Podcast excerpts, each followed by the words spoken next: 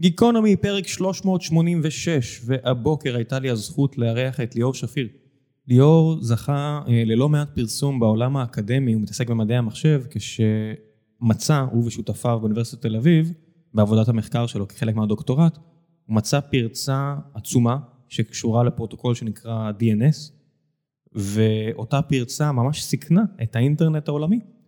ובכל מיני חוגים אה, שקשורים לעניין הזה, זה זכה להמון אה, תשומת לב, בגלל גודל הסיכון, אז דיברנו על אותה פרצה שהוא מצא ואיך זה למצוא פרצה כזו ומה עושים כשמוצאים פרצה כזו, אבל האמת שזה היה פרק אה, גיקונומי מבחינתי פנטסטי, כל כך נהניתי לשבת ולדבר איתו כי עברנו לטכנולוגיה עצמה וצללנו בשלל מקומות, we geeked out כמו שאומרים, ודיברנו על מישל וולבק ועל קווינטן טרנטינו ועל אבטחת מידע ועל אקדמיה לעומת תעשייה. ועל טכנולוגיה באופן כללי, היה לי ממש כיף גדול גדול לשוחח איתו. אני ממש זכות גדולה, הדברים האלה, לשבת ולדבר עם אנשים בצורה הזו. לא בטוח אם זה יתאים לכולכם, אה, אבל בהחלט ניסיתי להנגיש כמה שאני יכול, כדי שזה יהיה אה, מעניין ויגרה את הסקרנות למי שלא מתעסק בתחום הזה, ומי שכן, אולי יזכיר לו כמה יופי יש אה, בהנדסה ומדעי המחשב, מעבר רק ל-day to day שלנו של... לבנות מוצרים ולשחרר אותם, שגם בזה יש הרבה מאוד יופי אה, והרבה מאוד עניין, אבל גם בתיאוריה יש לא מעט, ודיברנו על כל הדברים האלה. ולפני שנגיע לפרק עצמו, אני רוצה לספר לכם על נותני החסות שלנו, והפעם זו חברת טוסית, מלשון לשבת. על חברת טוסית סיפרתי לכם אה, במספר פרקים פה לאחרונה, אבל למי שלא מכיר, אני אספר שחברת טוסית משווקת מגוון כיסאות משרדיים איכותיים ופתרונות ריהוט משרדי חכם באמצעות יבוא וייצור כיסאות מחשב ארגונומיים, שולחנות משרדיים, כיסאות מנהלים, פינות המתנה, קורסאות המתנה ועוד ועוד ועוד. יש להם אה, אולם תצוגה ענק ליד מגדלי אה, בסר בבני ברק, כמה דקות הליכה מקניון איילון ברמת גן, ואם תגיעו לשם, ותגידו שאתם אה, רוצים לקנות, אפילו לבית, הם אה, לאחרונה גם התחילו למכור למשתמשי קצה, כיסא, או, פרי, או פריט אה, ריהוט כזה או אחר, ותגידו שאתם מאזינים של גיקונומי, גם תקבלו הנחה מיוחדת, לא קטנה בכלל. ישבתי עם ניב, הבעלים של החברה, והוא סיפר לי על הסיפור של החברה, וסיפור מרתק שאני חושב שאני מנסה, לאמת להביא אותו גם כאורח לפרק, כדי להסביר לכם איך זה נראה מהזווית שלהם, היו אחת מחברות הריהוט הגדולות בארץ, וכל ה... דברים שעברו עליהם, סיפור באמת מעניין, אבל מה שבאמת צריך לעניין אתכם, זה איכות הכיסאות והריהוט שהם מוכרים. הם יודעים לתת פתרונות מעולים, כמו שאמרנו, מרמת הבן אדם הבודד, שפעם הם לא ידעו לעשות את זה והיום הם כן, ועד אה, לרמה של החברות הכי גדולות במשק, זאת אומרת, מאות פרטי ריהוט במכה אחת, יש להם מפעל באשקלון והם גם מייבאים. חברה נפלאה, אנשים מעולים, וכדי לתקף את כל הסיפור הזה בעצמי, כי בכל זאת יש לי איזושהי חובה אליכם, הלכתי וקניתי שם כיסא עם עוד בן אדם שלא מכיר את הסיפור ואין לו שום אינטרס, והוא בחר את הכיסא והייתי עד לכל החוויה. אז יש שם יועצים שגם מסבירים לכם מה ההבדל, יש המון אה, מה לשאול כשקונים כיסא, והיום אם אתם בסוג העבודות שמצריך מכם לשבת הרבה שעות על כיסאות, ואתם עכשיו עובדים מהבית, או שיש לכם אפשרות אה, לבחור את הכיסא במשרדים שלכם, או שאתם פשוט מנהלי משרדים ואתם רוצים לפנק את העובדים שלכם שנמצאים 8, 9, 10 שעות ביום על הכיסא שלהם, כיסא טוב עושה את כל ההבדל שבעולם. אז הלכתי עם אותו בחור שקנה את הכיסא, וראיתי את כל החוויה מקרוב, ואיזה הבדל זה. הוא מספר לי אה, עכשיו שעם הכיסא הזה, איזה הבדל זה באיכות החיים שלו. אז לכו, תגיעו, תדברו עם החבר'ה של טוסית, אם אתם רוצים עכשיו להתפנק באיזה כיסא חדש, או אם אתם עכשיו עוברים משרדים בכל התקופה הזאת, אחלה הזדמנות לבחור את הכיסאות הכי טובים, פינות ההמתנה המעניינות, ריהוט משרדי, קפיטריות, כל מה שאתם צריכים, חברת טוסית, אולם התצוגה נמצא אה, ליד קניון איילון, אני אשאיר לכם את האתר שלהם, כנסו, תראו, תסתכלו, ועכשיו, גיקונומי, פרק 386, עם ליאור שפיר, תהנו.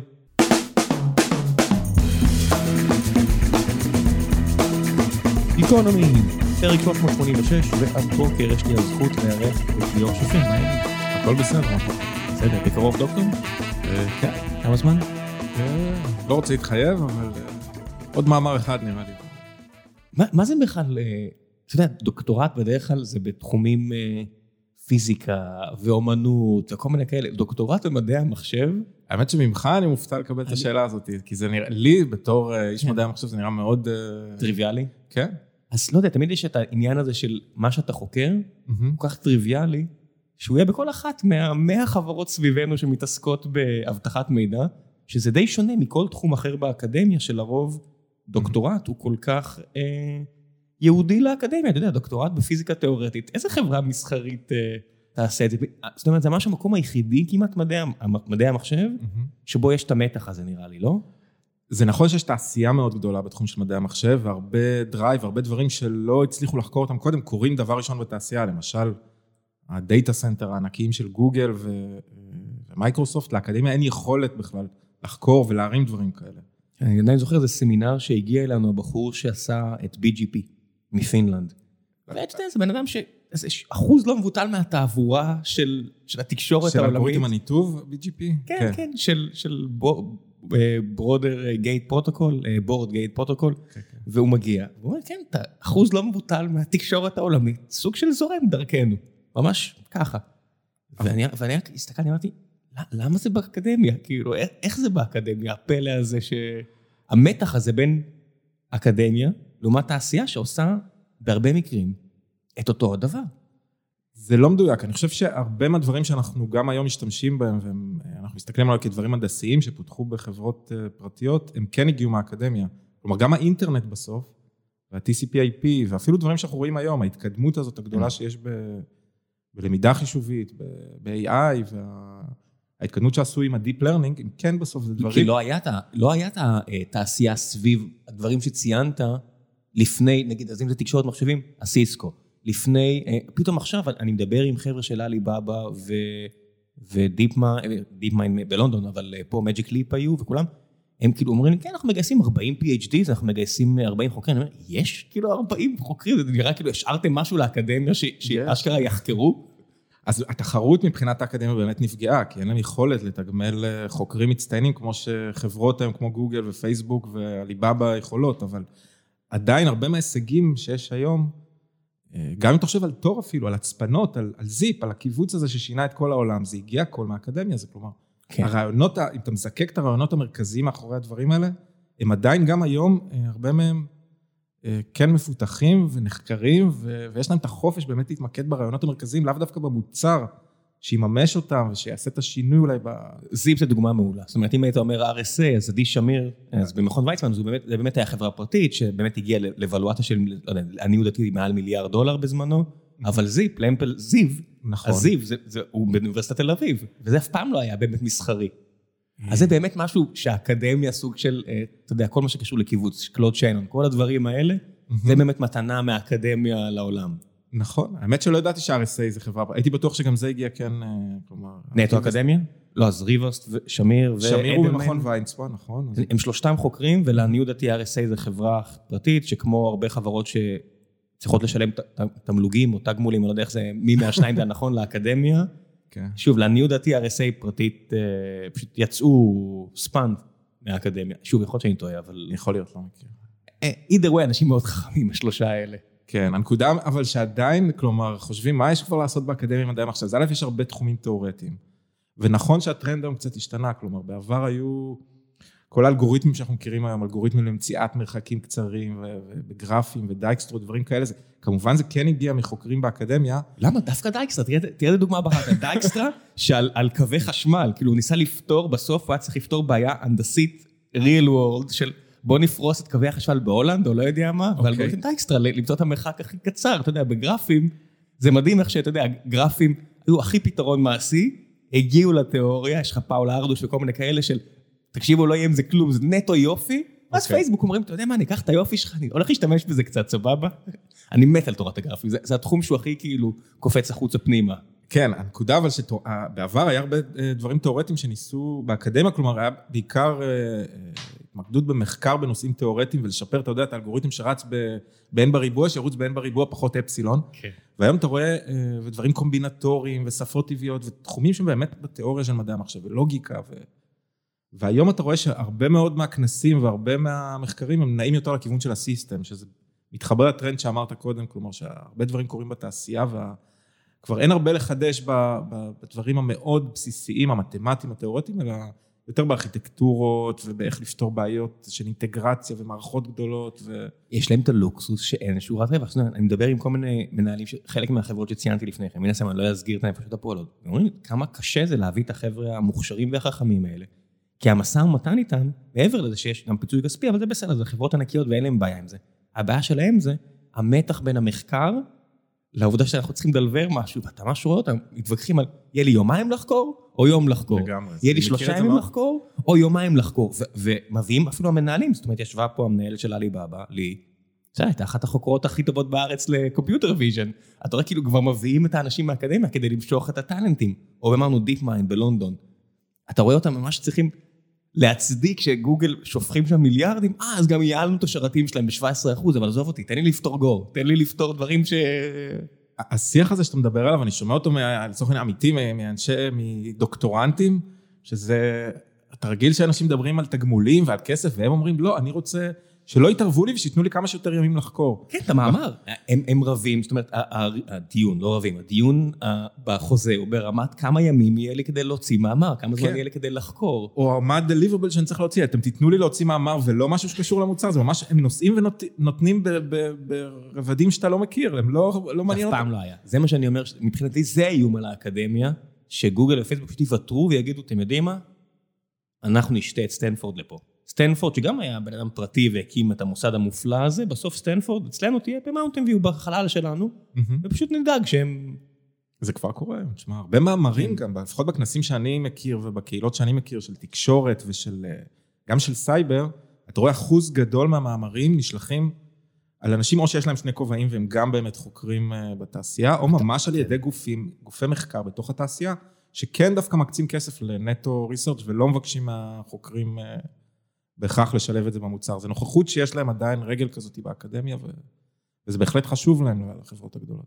כן, יש גם יתרון שהחברות הגדולות נהיו מאוד יציבות. זאת אומרת, אתה מסתכל, אם אני חייב לנחש איזה חברות יהיו פה עוד 40 שנה או 30 שנה, אם 99 אחוז מה, מהשוק האמריקאי, אין לי מושג, אולי הם ייעלמו עוד חמש שנים.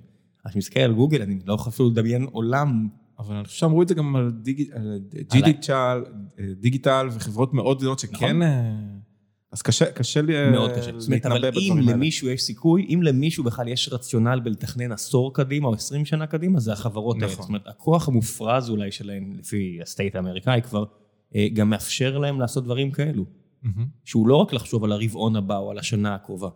כשאתה מחליש את החברות, יש, יש trade off. אתה מונע ריכוזיות, מונע מונופ, מונופול או קרטל או לא יודע מה. מצד שני, אתה גם מאפשר להם לחשוב רחוק, ולחשוב רחוק בטכנולוגיה, זה לשפר את העולם הרבה, בהרבה מקרים. נכון, להסתכל לא על איזושהי בעיה הנדסית או על משהו שמשתמש בפרוטוקולים, זה בעולם שלי, או ב- ב- באבני בניין קיימות, אלא כבר מנסה לחשוב על אבני בניין חדשות, וזה משהו בתעשייה קשה, כמו שאתה אומר, זה לוקסוס שעד כן. היום היה בעיקר, היה קשה. זה מכוני המחקר ולאקדמיה, ולא... מפרידוס, שזה white paper שיצא מגוגל, שוב, אם אני לא טועה, 2005, 2006, תחשוב איזה שינוי בעולם זה עשה. האנשים שלו, שהיום מגיעים לתעשייה, מבחינתם זה אתה יודע, עוד פיסת טכנולוגיה, מפרידוס, בסדר.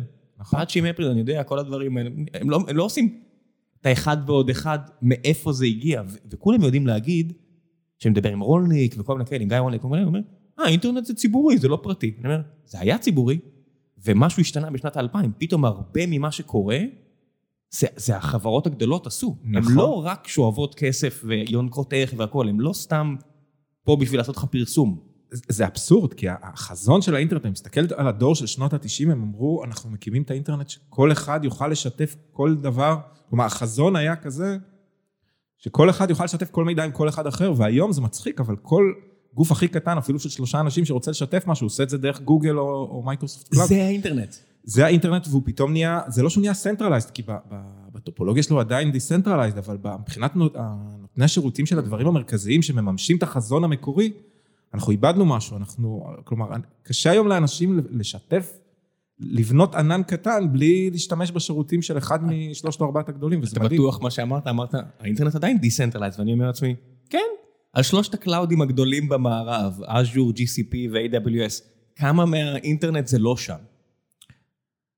נכון, במובן שהוא לא מונוליטי, כלומר, אני עדיין יכול לקחת את המחשב שלי שמונח פה, לחבר אותו בכבל למחשב שלך, ואנחנו יכולים לחבר אותו לעוד כמה מחשבים בשכונה, ולהשתמש בפרוטוקולים הקיימים, ויהיה לנו אינטרנט עם i קטנה, לא עם I גדולה, אבל זה יהיה אותו אינטרנט. במובן הזה הוא עדיין decentralized, כלומר, כן, הטכנולוגיה מאפשרת. הטכנולוגיה מאפשרת, אה, והיה גם, אה, אני חושב שאחד הדברים שהוכיחו את זה, אגב, והדגימו שזה עדיין יכול להיות ככה גם היום, אה, קרה ב-2001, כולם זוכרים את 2001 כמובן, בגלל... אה, 9-11. 9-11, אבל מה שקרה ב-2001, באפריל אני חושב, זה שכתבו את ה... את ה... פעם ראשונה הציגו את הביטורנט, אני חושב. את מה ש... כלומר, כולם התייחסו עד היום לקובץ כ...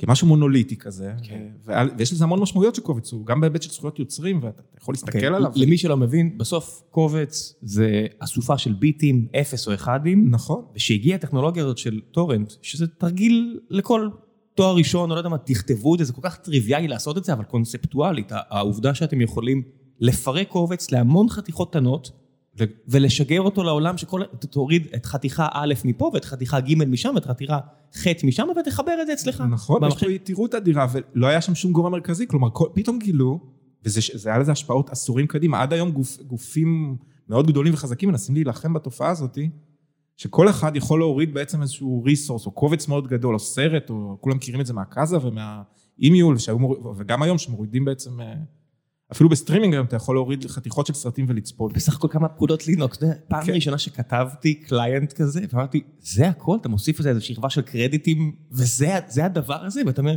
וואו, זה כל כך יפה. נכון, אבל זה כן. דוגמה לזה שלקחו את הטכנולוגיה, למרות שהיה אז ניסיון כבר, אה, שבעצם קבצים גדולים, אתה תוכל להוריד רק מהפאבלישר הגדולים, ובהיבט של זכויות יוצרים זה נכון והוגן שזה יהיה ככה, אבל פתאום גילו, כלומר, המשתמשים גילו שהם הם יכולים לקחת סיגמנטים וקוונטות קטנות מכל הקבצים האלה, ויש גם יתירות מאוד גדולה, כי הם נמצאים אצל הרבה... נכון. ואז אתה גם יכול לעשות אה, באמת CDNים, ואתה יכול לעשות הרבה מאוד דברים, ואז אתה יכול גם לייעל את האינטרנט. אם כולם צריכים את החתיכה הקטנה הזו, נכון. אתה לא באמת צריך לדאוג שכל פעם יביאו אותה מהשרת בארצות הברית, תשים אותה בפתח תקווה, וכולם יקבלו אותה יחסית מהר. נכון, וזה דוגמה טובה לאיך אפשר לקחת את הטכנולוגיה ולבנות איזשהו, over- לא יודע אם לקרוא לזה overlay, אבל לבנות, לנצל את הטכנולוגיה ואת היכולת ואת הפרוטוקולים הקיימים, כדי להגשים את, ה, את הפוטנציאל ש, של האינטרנט, ו, ו, וכן להתווכח עם, ה, עם הטענה שלך שה, שהאינטרנט הוא כן centralized ושיש, אתה אומר, יש כמה big cloud provider ו big ש, ש, אה, שהם היחידים שמאפשרים לך היום אה, להשתמש בשירותים מסוימים, אז כלומר, ברמת החזון אפשר לעשות את זה, ככה אני מאמין לפחות. אז פרוטוקולים והכל, זה עדיין אותם דברים. זאת אומרת, DNS, BGP, IP, כל הדברים האלה, TCP, עדיין אנשים היום צריכים, משתמשים בהם, זאת אומרת, חבר'ה אצלנו פה בחברה שהם בני, לא יודע מה, 20 עד 30, עדיין זה אותם דברים שאני הכרתי, ואתה הכרת לפני 20 שנה ו-15 שנה, אבל מצד שני, המחשבה שיש לך שרת פה במשרד, אני לא בטוח אם אי פעם יותר יהיה דבר כזה.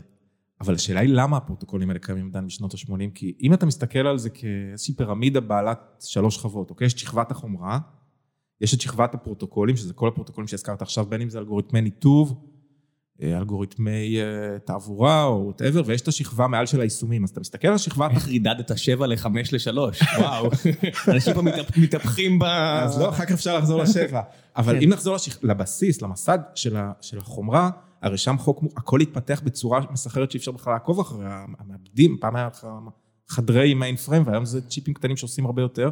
כן. וגם השכבה של היישומים, תחשוב על כל היישומים שיש לנו היום, וה- והגוגלים, כן. ומי דמיין את זה לפני 15 ו-20 שנה, ודווקא השכבה הזאת, האמצעית, היא. קפואה. עכשיו, למה היא קפואה? בגלל... אה, אה, החשיבות שלה, מי, מי רוצה לגעת בדבר העדין הזה? הרי החומרה, כשהחומרה, כשהחומרה אה, חלשה, מה זה חלשה? זאת אומרת שהיא מוגבלת, כמו למשל שאתה כותב צ'יפים, זה משהו, אתה יודע, עשיתי, לא יודע מה, לפני 15 שנה, או לא יודע, אז כל הפיסת תוכנה שלך חייבת להיות סופר טובה. נכון. סופר מדויקת, כי אין לך זיכרון. ואז מה קרה? אנשים עברו ל cloud, והיום אנחנו, אני מסתכל אותם, את החבר'ה שלי מבזבזים זמן על אופטימיזציה, אני קורא לזה בזבוז זמן, אני אומר, תעזבו אותי, בואו נוציא את הפיצ'ר הזה, תוסיפו עוד מכונה, נעשה לזה אופטימיזציה טיפה אחרי.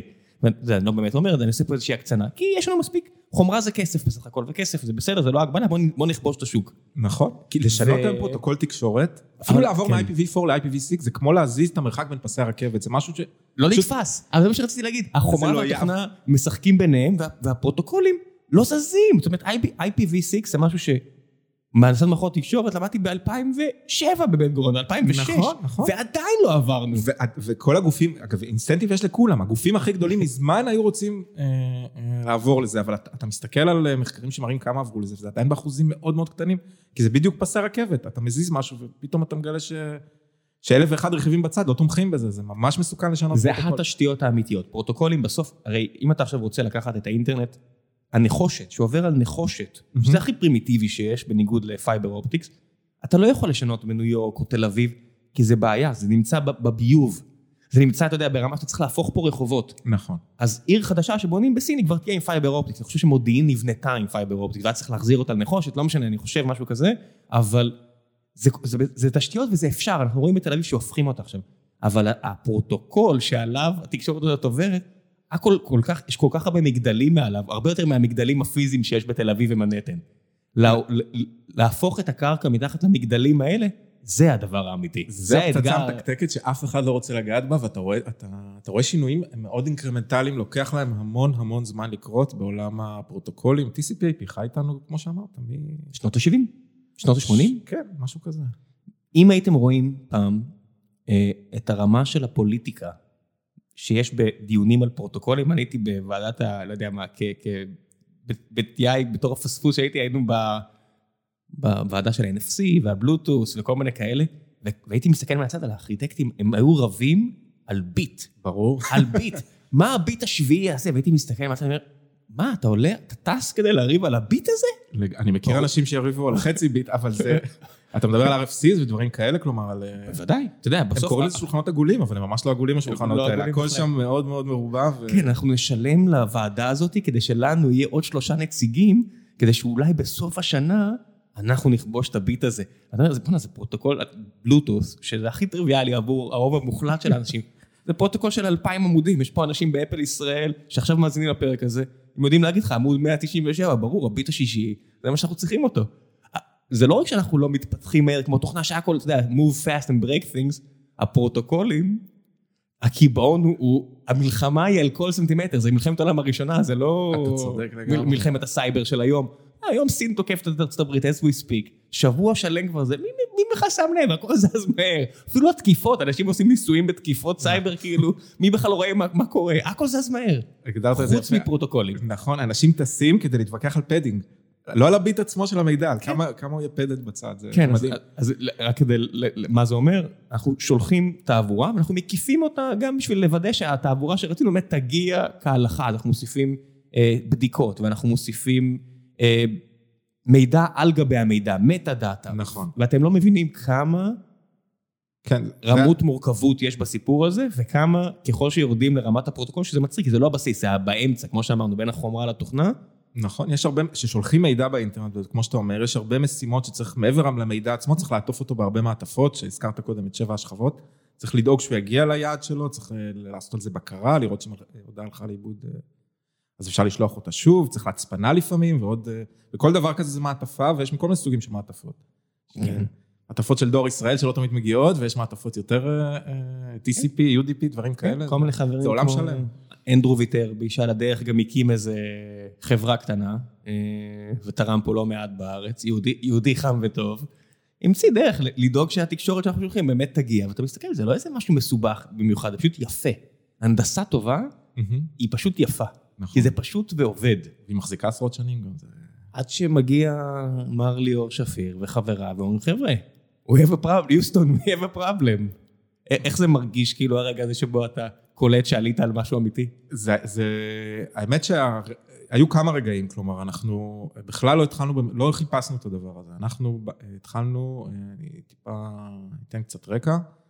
אנחנו, תחום המחקר שהתעסקתי בו גם בתואר השני וגם עכשיו בדוקטורט, זה התקפות דידוס. התקפות DDoS זה התקפות, ש... התקפות של עומס. כולם שהם חושבים תמיד על סייבר, הם חושבים על ריגול ועל פריצה לפלאפונים ועל malware ים ועל נוזקה. אבל הדברים שדווקא משבשים חלקים מאוד גדולים מהאינטרנט זה התקפות ש... denial of service. בדיוק, מניעת שירות. יש לך איזשהו אתר או איזשהו שירות מסוים שרגיל לקבל איקס בקשות ואתה מפציץ אותו במיליון איקס בקשות והוא פשוט קורס ולא מסוגל... אה, כן, בוא, בוא, בוא, רק לשם הבנה, כשאנחנו מתכננים תוכנה, אנחנו לא יכולים באמת לתכנן אותה מראש, כך שהיא תעבוד עם אין סוף בקשות. אז אם אנחנו עושים אתר ממשלתי, שהוא הגיוני שאנחנו נתכונן ל-100 אנשים בו זמנית באתר, אולי אלף אנשים בו זמנית באתר. אנחנו לא נבנה משהו שיכול להחזיק מיליון אנשים או מיליון גישות לאתר, כי זה יהיה יקר יותר, מסובך יותר, ואין באמת טעם. נכון, לגמרי. לא- כמו לא... שמערכות התקשורת, מה שנקרא אה, mother's day, אז ב-mother's day כל שיחה שנייה תיפול, כי אף אחד לא יבנה מערכת תקשורת שמוכוונת לפיק של יום אחד.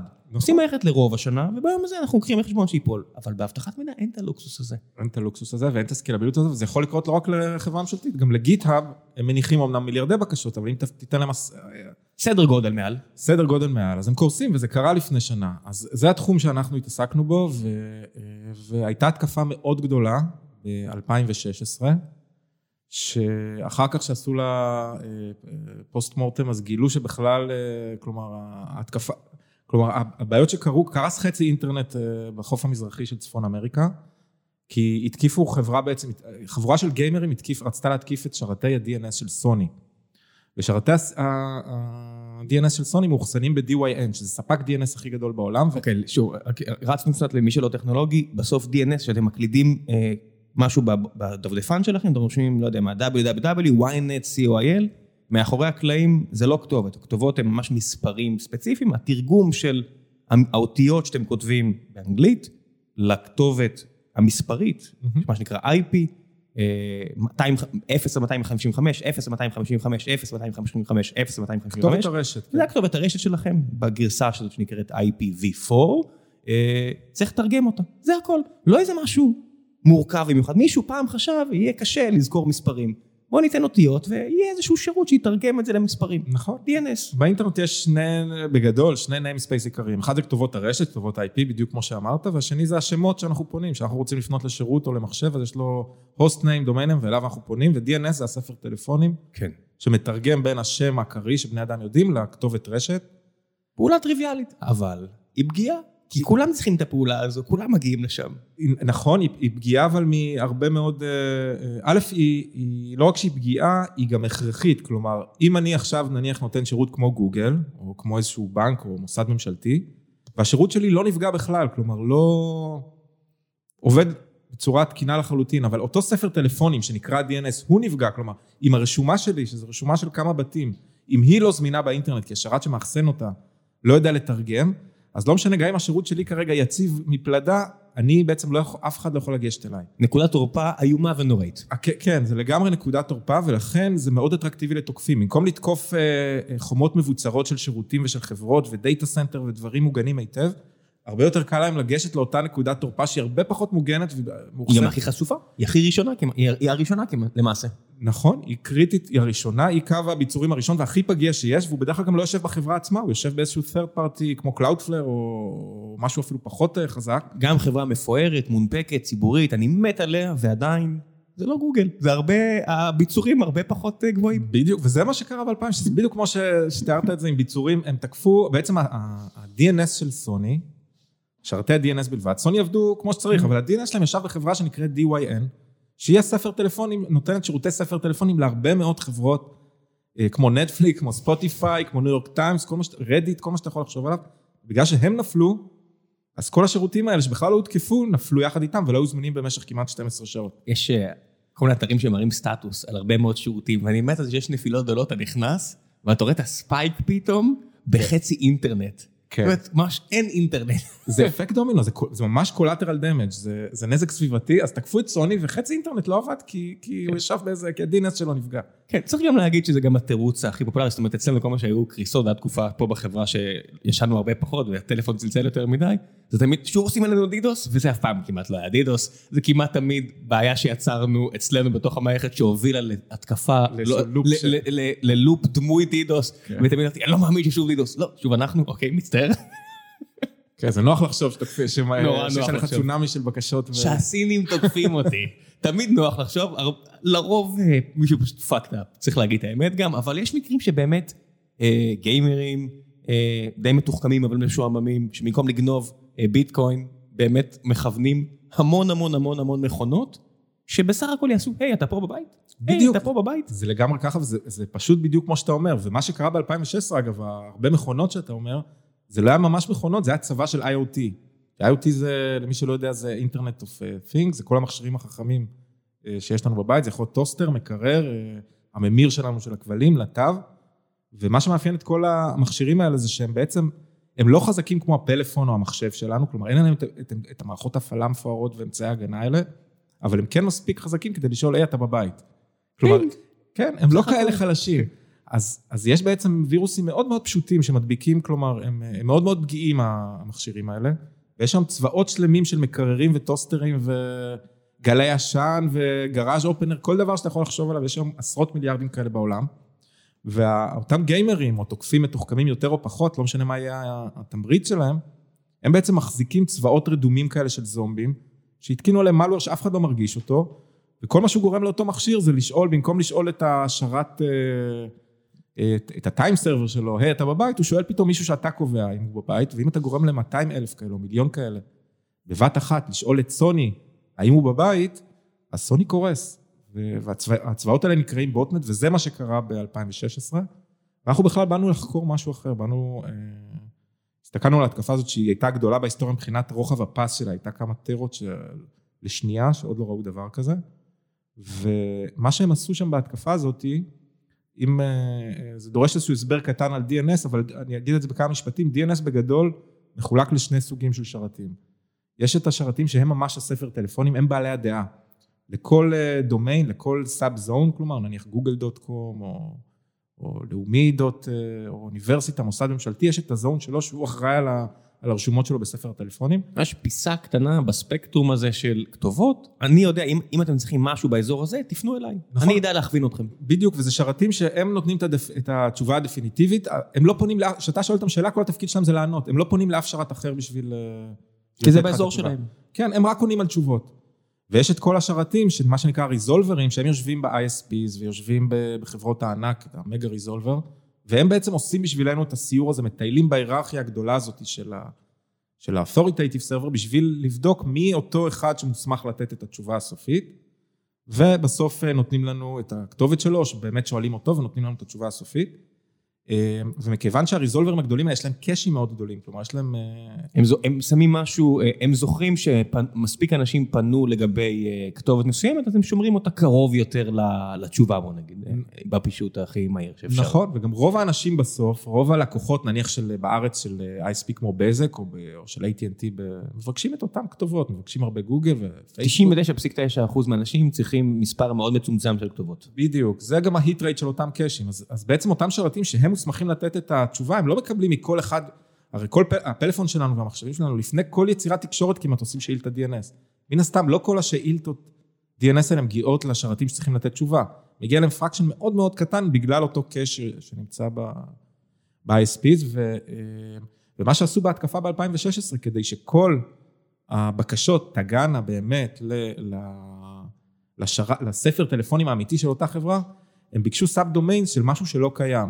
כן. כלומר, אני, הם לא ביקשו את www.sony.com, אלא הם ביקשו אה, איזה מספר רנדומי .sony.com שלא נמצא. אני חושב על זה שמתקשרים לבר של מו בסימפסונס, וזה בארט, אז אם זה שם שהוא מכיר, הוא לא צריך לחשוב, אבל אם בארט מנסה להקשות על מו, וכל הזמן שואל אותו שאלות, אה, השמות שהוא לא מכיר, ואז הוא שואל, אה, לא יודע מה, אני לא אגיד את הבדיחה החבוטה הזאת, אבל הוא חוזר שלוש-ארבע פעמים על השם שבארט נותן לו. הוא יגרום לכך שמו יהיה כל הזמן על הטלפון ולא נכון. יגיש בירה. זה התקפת מניעת שירות על מו לגמרי, אז כן. אה, זה מה שעשו לסוני, בעצם ביקשו המון, כל, זה היה צבא של מכשירים חכמים, שכל אחד הגריל איזה מספר, שאף אחד כנראה לא שאל קודם, ולא היה באף קאש, וכולם הגיעו לסוני, ואז סוני בכלל מקבל כמה סדרי גודל יותר ממה שהוא רגיל לקבל, וזו ההתקפה שחקרנו, ואני חוזר עוד לשאלה המקורית שלך, אז בעצם הלכנו לחפש דבר אחד, ועל הדרך הסתכלנו, פשוט לקחנו מכל מיני טרייסים כאלה, אה, trace למי שלא יודע זה פשוט לוגים של אה, זרמי תעבורה וניסינו לשחזר את ההתקפה. ובכלל המטרה שלנו הייתה לשפר את ה cache של אותם ריזולברים. כדי למנוע באמת אה, סיטואציות דומות, או כדי לייעל את הסיפור, שלא ילך כל פעם לשאול... אה, כן, כדי לחשוב, היה שמועות שבאותה התקפה, חוץ מהשרתי, מהשרתים האלה שמחזיקים את הספר טלפונים שנפלו, נפלו גם הריזולברים בדויטשה טלקום באירופה וב... בצפון אמריקה, אני חושב, ועניין אותנו מאוד למה הם נפלו. למה, מה כבר שמועה? הרי דודג'ו טלקום והחבר טים שמנהל שם, יש להם פיקוח של הרגולטור הגרמני, הם לא מסתירים את הדבר הזה שאמרת. הם צריכים לדווח על זה, לא? כן, אבל זה... התקפת דידו זה לא משהו שתמיד ברור מה קרה בו, כלומר, יש לך פתאום מיליארדי הודעות, זה לא כמו התקפה של פריצה, שאם יש לך לוג שלם של מה שקרה, אתה יכול לנסות להסיק מה קרה. בהתקפה של... תחשוב ש... מה זה דידוס בסוף? יש לך במקום... אה, כמה... תעבורה גדולה. טרות, אבל לשנייה של תעבורה, אתה לא מוצא את הידיים, אתה, בזמן אמת אתה לא יודע מה קורה, ואחר כך מאוד, אם אתה מוצא איזה footprint, או גילו בסוף, אגב, זה מאוד מעניין, גילו שאותו botnet מאוד גדול ב-2016, שקראו לו מיראי, אז ב... אני נכנס פה אולי יותר מדי פרטים, אבל. ב-TCP, ב sequence number, תמיד זה משהו שמגרילים אותו. וה malware הזה בחר sequence number מסוים. וככה ידעו להסתכל על טרות ולפלטר את כל ה... וככה ידעו להגיד כמה, מה היה קצב האינפקציה של אותו בטנוט. ידעו להגיד מתי הוא היה עשרת אלפים מכשירים, ומתי הוא היה מאה אלף, ומתי הוא גדל להיות שלוש מאות אלף. לפי, כי משהו, מה שכל אה, מכשיר חכם כזה עשה, בכל יום נתון, הוא שלח SSH לכל, כלומר ניסה להתחבר בגדול, לכל כתובות ה-IPv4 האפשריות בעולם, שזה בסך הכל 4 מיליארד, אפשר להספיק את זה ביום. 255 בחזקת 4. כן, וניסה לכולם עם סיסמאות אה, דיפולטיות, אדמין אדמין וכולי, ודברים כאלה, להתחבר לכמה שיותר להדביק מכשירים אחרים. ואז לפי כמות הסריקות האלה שנעשו ביום, ידעו כמה אותו צבא של מכשירים חכמים גדל כל יום. ו... וידעו ללמוד דברים על ההתקפה, אבל זה מאוד מאוד קשה, כלומר, לה... להגיד בדיוק למה דויטשה טלקום, כלומר, גם בזק היום, שאם ייפול להם השרת, לא בטוח שהסיסו למחרת בבוקר ידע, יכול- אני מקווה מאוד שכן, אבל יש כל כך הרבה חברות שמגיעות ומציעות את העזרה הזאת מתוך ההבנה שבארגונים אין את הידע הזה, הידע הטכני, התיאורטי, בכלל כדי להבין מה קרה. רטים וכל מיני כאלה, מעטים הארגונים שבאמת ידעו לחקור, ובלי להעליב את בזק. אה, כן, התקפה מסובכת במיוחד. כן, גם אל תשכח שפה זו התקפה שלא נראתה כמוה בעולם ב-2016, מבחינת ההיקף שלה, היא, היא, היא פגעה, כלומר, האפקט דומינו, זה שנפגע מישהו, לא יודע להסביר איך זה השפיע פתאום על מי ששואל אותו הרבה שאלות, אבל למה הוא בדיוק נפגע, וזה מה שניסינו להבין. ואז הסתכלנו באמת על מה, מה יכול לקרות לאותו ריזולבר תחת אותה התקפה, ופתאום ראינו בכלל משהו לא קשור, הסתכלנו, אתה יודע, במין תוכנה כזאת, ווירשארק, שמציגה לך המון המון הודעות שנשלחות, וראינו שבכלל ה-DNS, גם במקרים הטריוויאליים, לא קשור להתקפה, הרצנו סתם שאילתות, לקחנו את ה... אתה יודע, את המיליון אה, אתרים הכי פופולריים באלקסה, יש רשימה כזאת של מה מיליון האתרים הכי, שפונים אליהם הכי הרבה. פשוט הרצנו להם שאילתות DNS וכל פעם ניקינו את ה cache. ו-DNS בתיאוריה אמור להיות, אה, גם עם, עם כל הקשים ריקים, אמור להיות סך הכל, אני חושב, של, שלוש הודעות round trip, כלומר שש הודעות סך הכל. אתה רוצה נניח לדעת מה זה www.google.com, אז אתה שואל את ה root server, אומר לך, חביבי, אני לא יודע, תשאל את אחד משרתי הדוט-קום, תן לך את ה-IPs שלהם, ניגש לשרת הדוט. אין הרבה רמות בסך הכל. הכי הרבה שיכול להיות, השאלה הכי מורכבת היא סך הכל שלושה הופים. כן, maps.google.co.il זה אולי ארבעה, כלומר, מבחינת הפרוטוקול ההגבלה היא ל-128, אבל בפועל אתה צודק, באופיין אתה לא תראה מעל 4-5 אף פעם כמעט, 3-4-5. ככה זה בנוי. כן. כדי, כדי למנוע בדיוק את העניין הזה שיותר מדי הופים ויותר מדי complexity ו- ו- נכון. וכמות הופים. בסך כן. הדלגציות הן גם נעצרות באיזושהי רמה, אין... אה, אז, וראינו שאתה מבקש טוויטר, אתה מבקש דברים מאוד בסיסיים, אתה מבקש מייקרוסופט dot com, ראינו פתאום עוברות 100 הודעות, לא שלוש, לא שש הודעות, אלא 100. איזה רגע זה שאתה עושה trace וזה קופץ לך 1, 2, 3, 4, 5, מה? לא, זה עוד לא סוד, זה אני מניח שהרבה אנשים ראו, אבל לא... כלומר, הניחו, אוקיי, ה cache עם הזמן עושה לזה מיטיגציה, כי הוא לומד, ויש C-names, ו... ומה מסתבר? ש... שהרבה מאוד חברות, את, השר... את אותו שרתי ספר טלפונים, הן לא מחזיקות בעצמם. כלומר, לא כל עורך דין שקנה איזה דומיין, משה דוט קום, מחזיק את שרת, מריקים שרת DNS, אלא הוא הולך לשירות ואומר לו, תשמע, DNS מצביע על ה... נותן לו את הכתובת IP של איפה שהוא מאחסן את האתר. אה, והרבה מאוד מהחברות, נניח שהן דוט קום, מאחסנות את, את, ה, את הרשומות של ה-DNS שלהם בשרתים אחרים שהם דווקא דוט נט. ופה יש נקודה מאוד עדינה, כלומר, אם אני נניח אה, שרת dot com, ומישהו שאל אותי מה זה גוגל, אה, מה זה מייקרוסופט dot com, אוקיי? אבל ה-name servers שאחראים על מייקרוסופט dot com נקראים msft.net דווקא, אוקיי? אז אני נותן את ה... אני, אני אומר, תשמע, מי שאחראי, אני לא יודע מה הכתובות IP של אה, מייקרוסופט dot com, אבל מי שכן יודע לתת לך, הוא msft.net. הוא ייתן לך את הכתובת ה-IP של מייקרוסופט dot com. אבל אסור לי לתת לך את הכתובת ה-IP של msft.net, כי זה לא בתחום השיפוט שלי, אני dot com. אז אתה צריך להתחיל טיול חדש, ללכת עוד פעם לרוץ ולשאול אותו על דוט נט, ואתה מבין, אז יש פה, והסיבה אגב שעושים את זה, זה כדי שלא לא תהיינה התקפות של, אה, של גניבה של אתרים. כי אם כל, אם כל משה דוט קום יהיה מוסמך לתת לך את הכתובת ה-IP של name server אחר, שלא בתחום השיפוט שלו, אז מספיק, ש... מספיק, שמשה, מספיק שאותו שרת ישלח אותך למקום שהתוקף רוצה וזהו, גנבת, לפחות באזור מסוים או מכיוון מסוים, גנבת את הזהות של האתר. בדיוק, אם משה דוט... הפנית למקום שהוא לא, רצ... לא רצו שיפנו אליו. נכון, לגמרי. אם אני שואל את משה דוט קום, תגיד לי, מה ה-IP של subdomain dot משה dot com? והוא אומר לי, תשמע, מי שאחראי על subdomain dot משה dot com, זה גוגל dot com וזה ה-IP שלהם. אז הוא גנב עכשיו את הזהות של גוגל, כי אני, כן. אני כאילו אחליף, אני אגיד, אה, גוגל זה ה-IP שלהם, ואני אדרוס את מה שיש לי, וזה כמובן אסור. אז יש, יש פה איזושהי, אה, אה, זה נקרא bailiwick, זה איזושהי מילה באנגלית של- שקשורה לתחום שיפוט, ומכיוון שאסור לשרתים לעשות את זה, אז זה, זה פוגע קצת ביעילות. זה אומר שאני מחפש מייקרוסופט, אז מפנים אותי ל-MSFT, ומתחיל, ונותנים לי ארבעה כאלה. ועל כל אחד מהם אני מתחיל טיול חדש. ואני לא אכנס ליותר מדי פרטים, אבל בגדול מה שראינו זה שהמון שאילתות מאוד בסיסיות, בגלל התופעה הזאת, עושים טיולים הרבה יותר ארוכים ממה, ש, שהתיאוריה תמיד, וזה קורה בהרבה תחומים, התיאוריה אומרת לך, יש איזה מודל, יש שלוש הודעות, אתה פתאום, ראינו שאתה מחפש טוויטר, זה מאה הודעות, כי יש שם עוד מכל מיני סיבוכים. ואז אמרנו, אוקיי, נכתוב מאמר, בואו בוא נראה כמה זה פוגע ביעילות של האינטרנט. אה, סיפרנו על זה לכמה אנשים. אה, הסקפטיים אמרו, תקשיבו, ה cache ימנע את זה גם ככה, כי... כי מספיק אנשים יעשו את אותו טיול. כן, כי בדברים, הטיול הזה מתחיל רק, ה over טיול הזה, הוא קורה ב overhead הזה. בפעם הראשונה. כן. בתיאוריה. כן, ו- והתחלנו באמת לעשות מדידות, וראינו שזה לא בדיוק נכון, זה עדיין אה, נותן, אה, כלומר, האינטרנט, זה, זה מוסיף על עומס של 15% גם לאורך זמן, כלומר, לקחנו tracing גם של ה-ISPs וגם של הקמפוס על פני, לא יודע, 24 שעות, ראינו שיש פה, אבל זו הייתה עבודה שמראה שמשהו לא יעיל בגלל אותה תופעה, ואז פתאום uh, חשבנו שזה יכול, uh, כלומר, לייצר פגיעות מסוימת, כלומר, במקום להפנות, כלומר, זה סוג כזה של קומפלקסיטי אטאק, קומפלקסיטי אטאק זה סוג של... Uh, של התקפה, שאתה יודע איך מנגנון עובד, ואתה יודע מתי הוא עובד יותר קשה, ומתי, תחשוב שיש לך, אתה פונה עכשיו ל-Waze, ואתה יודע שלפעמים הם, אה, הבקשה שאתה מבקש, היא לוקח לה כמה מיליסקנד, כי אתה מבקש אה, בקשה פשוטה, אבל אם אתה מבקש מהם להגיע לאיזה חור באיזשהו מקום, הם מזיעים מאוד. אתה שולח להם המון המון בקשות על איך להגיע לחור הזה, ואתה יודע שהשרתים שלהם יעבדו פי מאה יותר קשה. זה סוג של קומפקסיטי טאק, אתה ממש מכיר את מכונת המצבים של, ה... אה, של מי שאתה רוצה, של הקורבן שאתה מנסה לתקוף. ופה אמרנו, אוקיי, אז אנחנו יודעים שיש פה מצב ש... שעושים טיולים ארוכים, בואו נחשוב מה הטיול הכי ארוך שאפשר לגרום למי ששואל לעשות.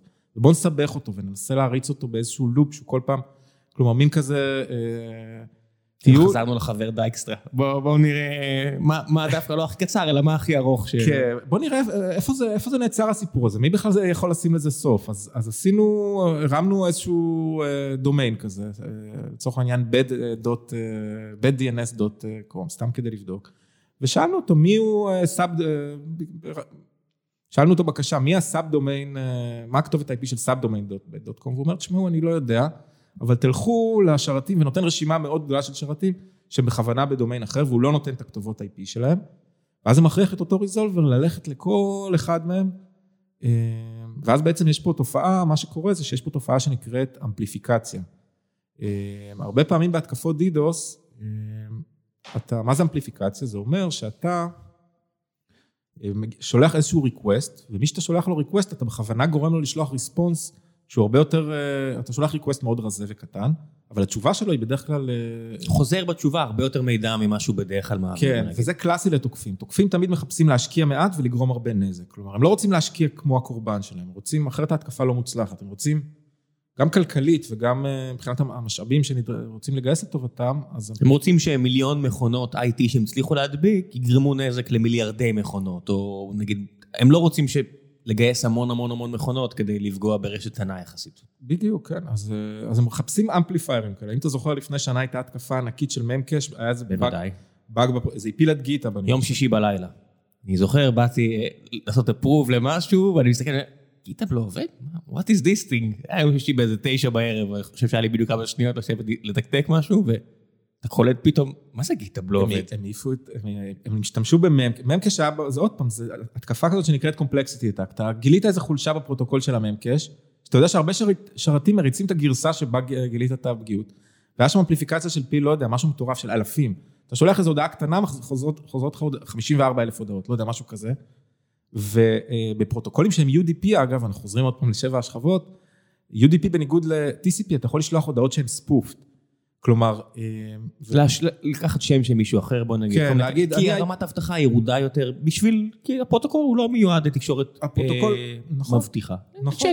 כן, UDP זה, בהבחנה גסה, UDP ו-TCP, אז UDP זה כמו דואר ישראל. אתה שולח הודעה, אתה לא יודע אם, או שהיא הגיעה או שהיא לא הגיעה. אבל אתה לא בונה על זה שהיא תגיע. אתה לא בונה, וגם קנית שירות אס.אם.אס עם שליח אקספרס, אתה עדיין לא, לא בונה לקבל חיווי שהיא הגיעה. כן. אה, זה בעיקר טוב לפרוטוקולים של סטרימינג, של VoIP, של דברים כאלה, לא דברים שחשוב בהם... אה, שכל, בק... שכל הודעה חשובה. כן, אם אתה שולח קובץ מן הסתם ב-FTP, זה לא יכול להיות על UDP, כי אם לא, לא יגיע בית אחד, אין לך קובץ. אז, אה, אז, אה, ו-DNS לצערנו הוא משנת 83, הוא על UDP, ועד היום קצת מתחילים שינויים, אבל הוא לא...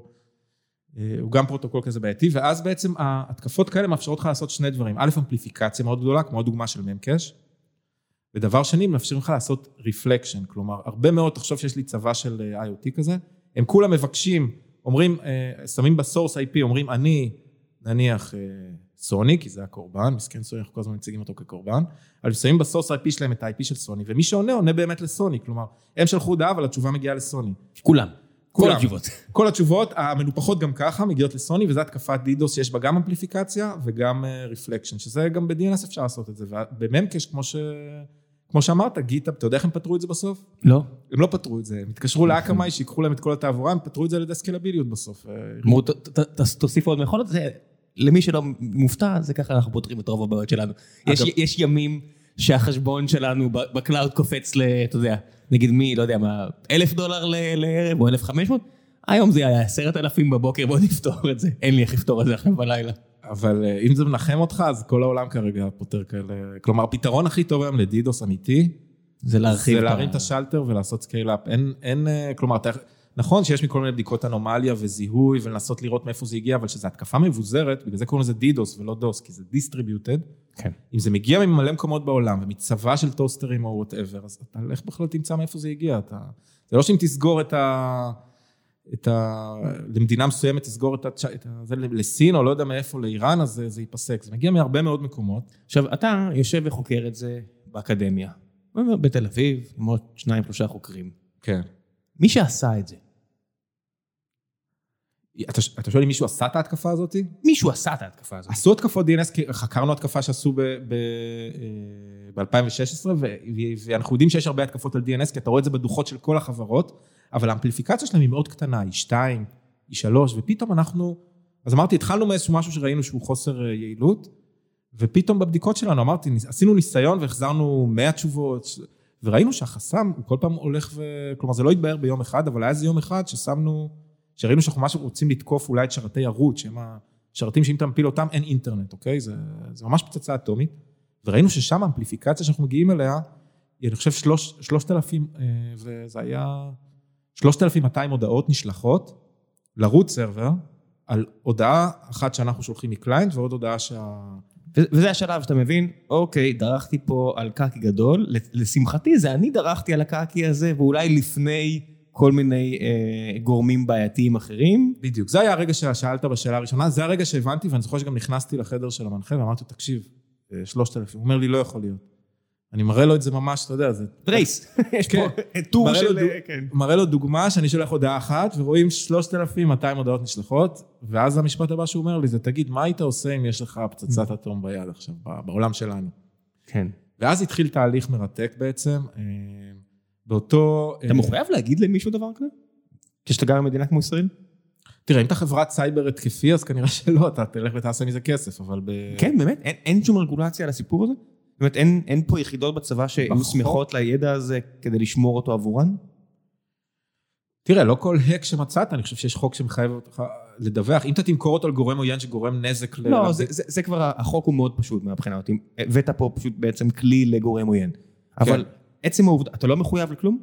תראה, מבחינה אקדמית, כדי לפרסם בכנס, כלומר, אתיקה של הכנסים, נניח בעולם שלנו, זה היה מאמר, המאמר הזה כבר נשלח כמה חודשים קודם לכן, שחשבנו שההתקפה היא עוד יחסית קטנה, וראינו שמאוד מתלהבים מההתקפה, אבל הם אמרו לנו, תקשיבו, חבר'ה, אתם, חקרנו את זה אגב על התוכנת DNS הכי פופולרית בעולם, שנקראת BIND, שהיא גם רצה על אותה- השרתים הגדולים האלה, שרתי ה root ו dot com, ו... מריצים אותה. הם מריצים אותה, ו-VeriSign, אם אתם... כלומר, הגופי תקינה שיש להם, את ה- קיבלו את ה- את הזכות לנהל את השרתים הגדולים באמת, הם מריצים אותה. הם אמרו לנו, אתם חייבים להודיע את זה ל vendor. כלומר, לא נפרסם את המאמר לפני, זה נקרא אה, Responsible Disclosure.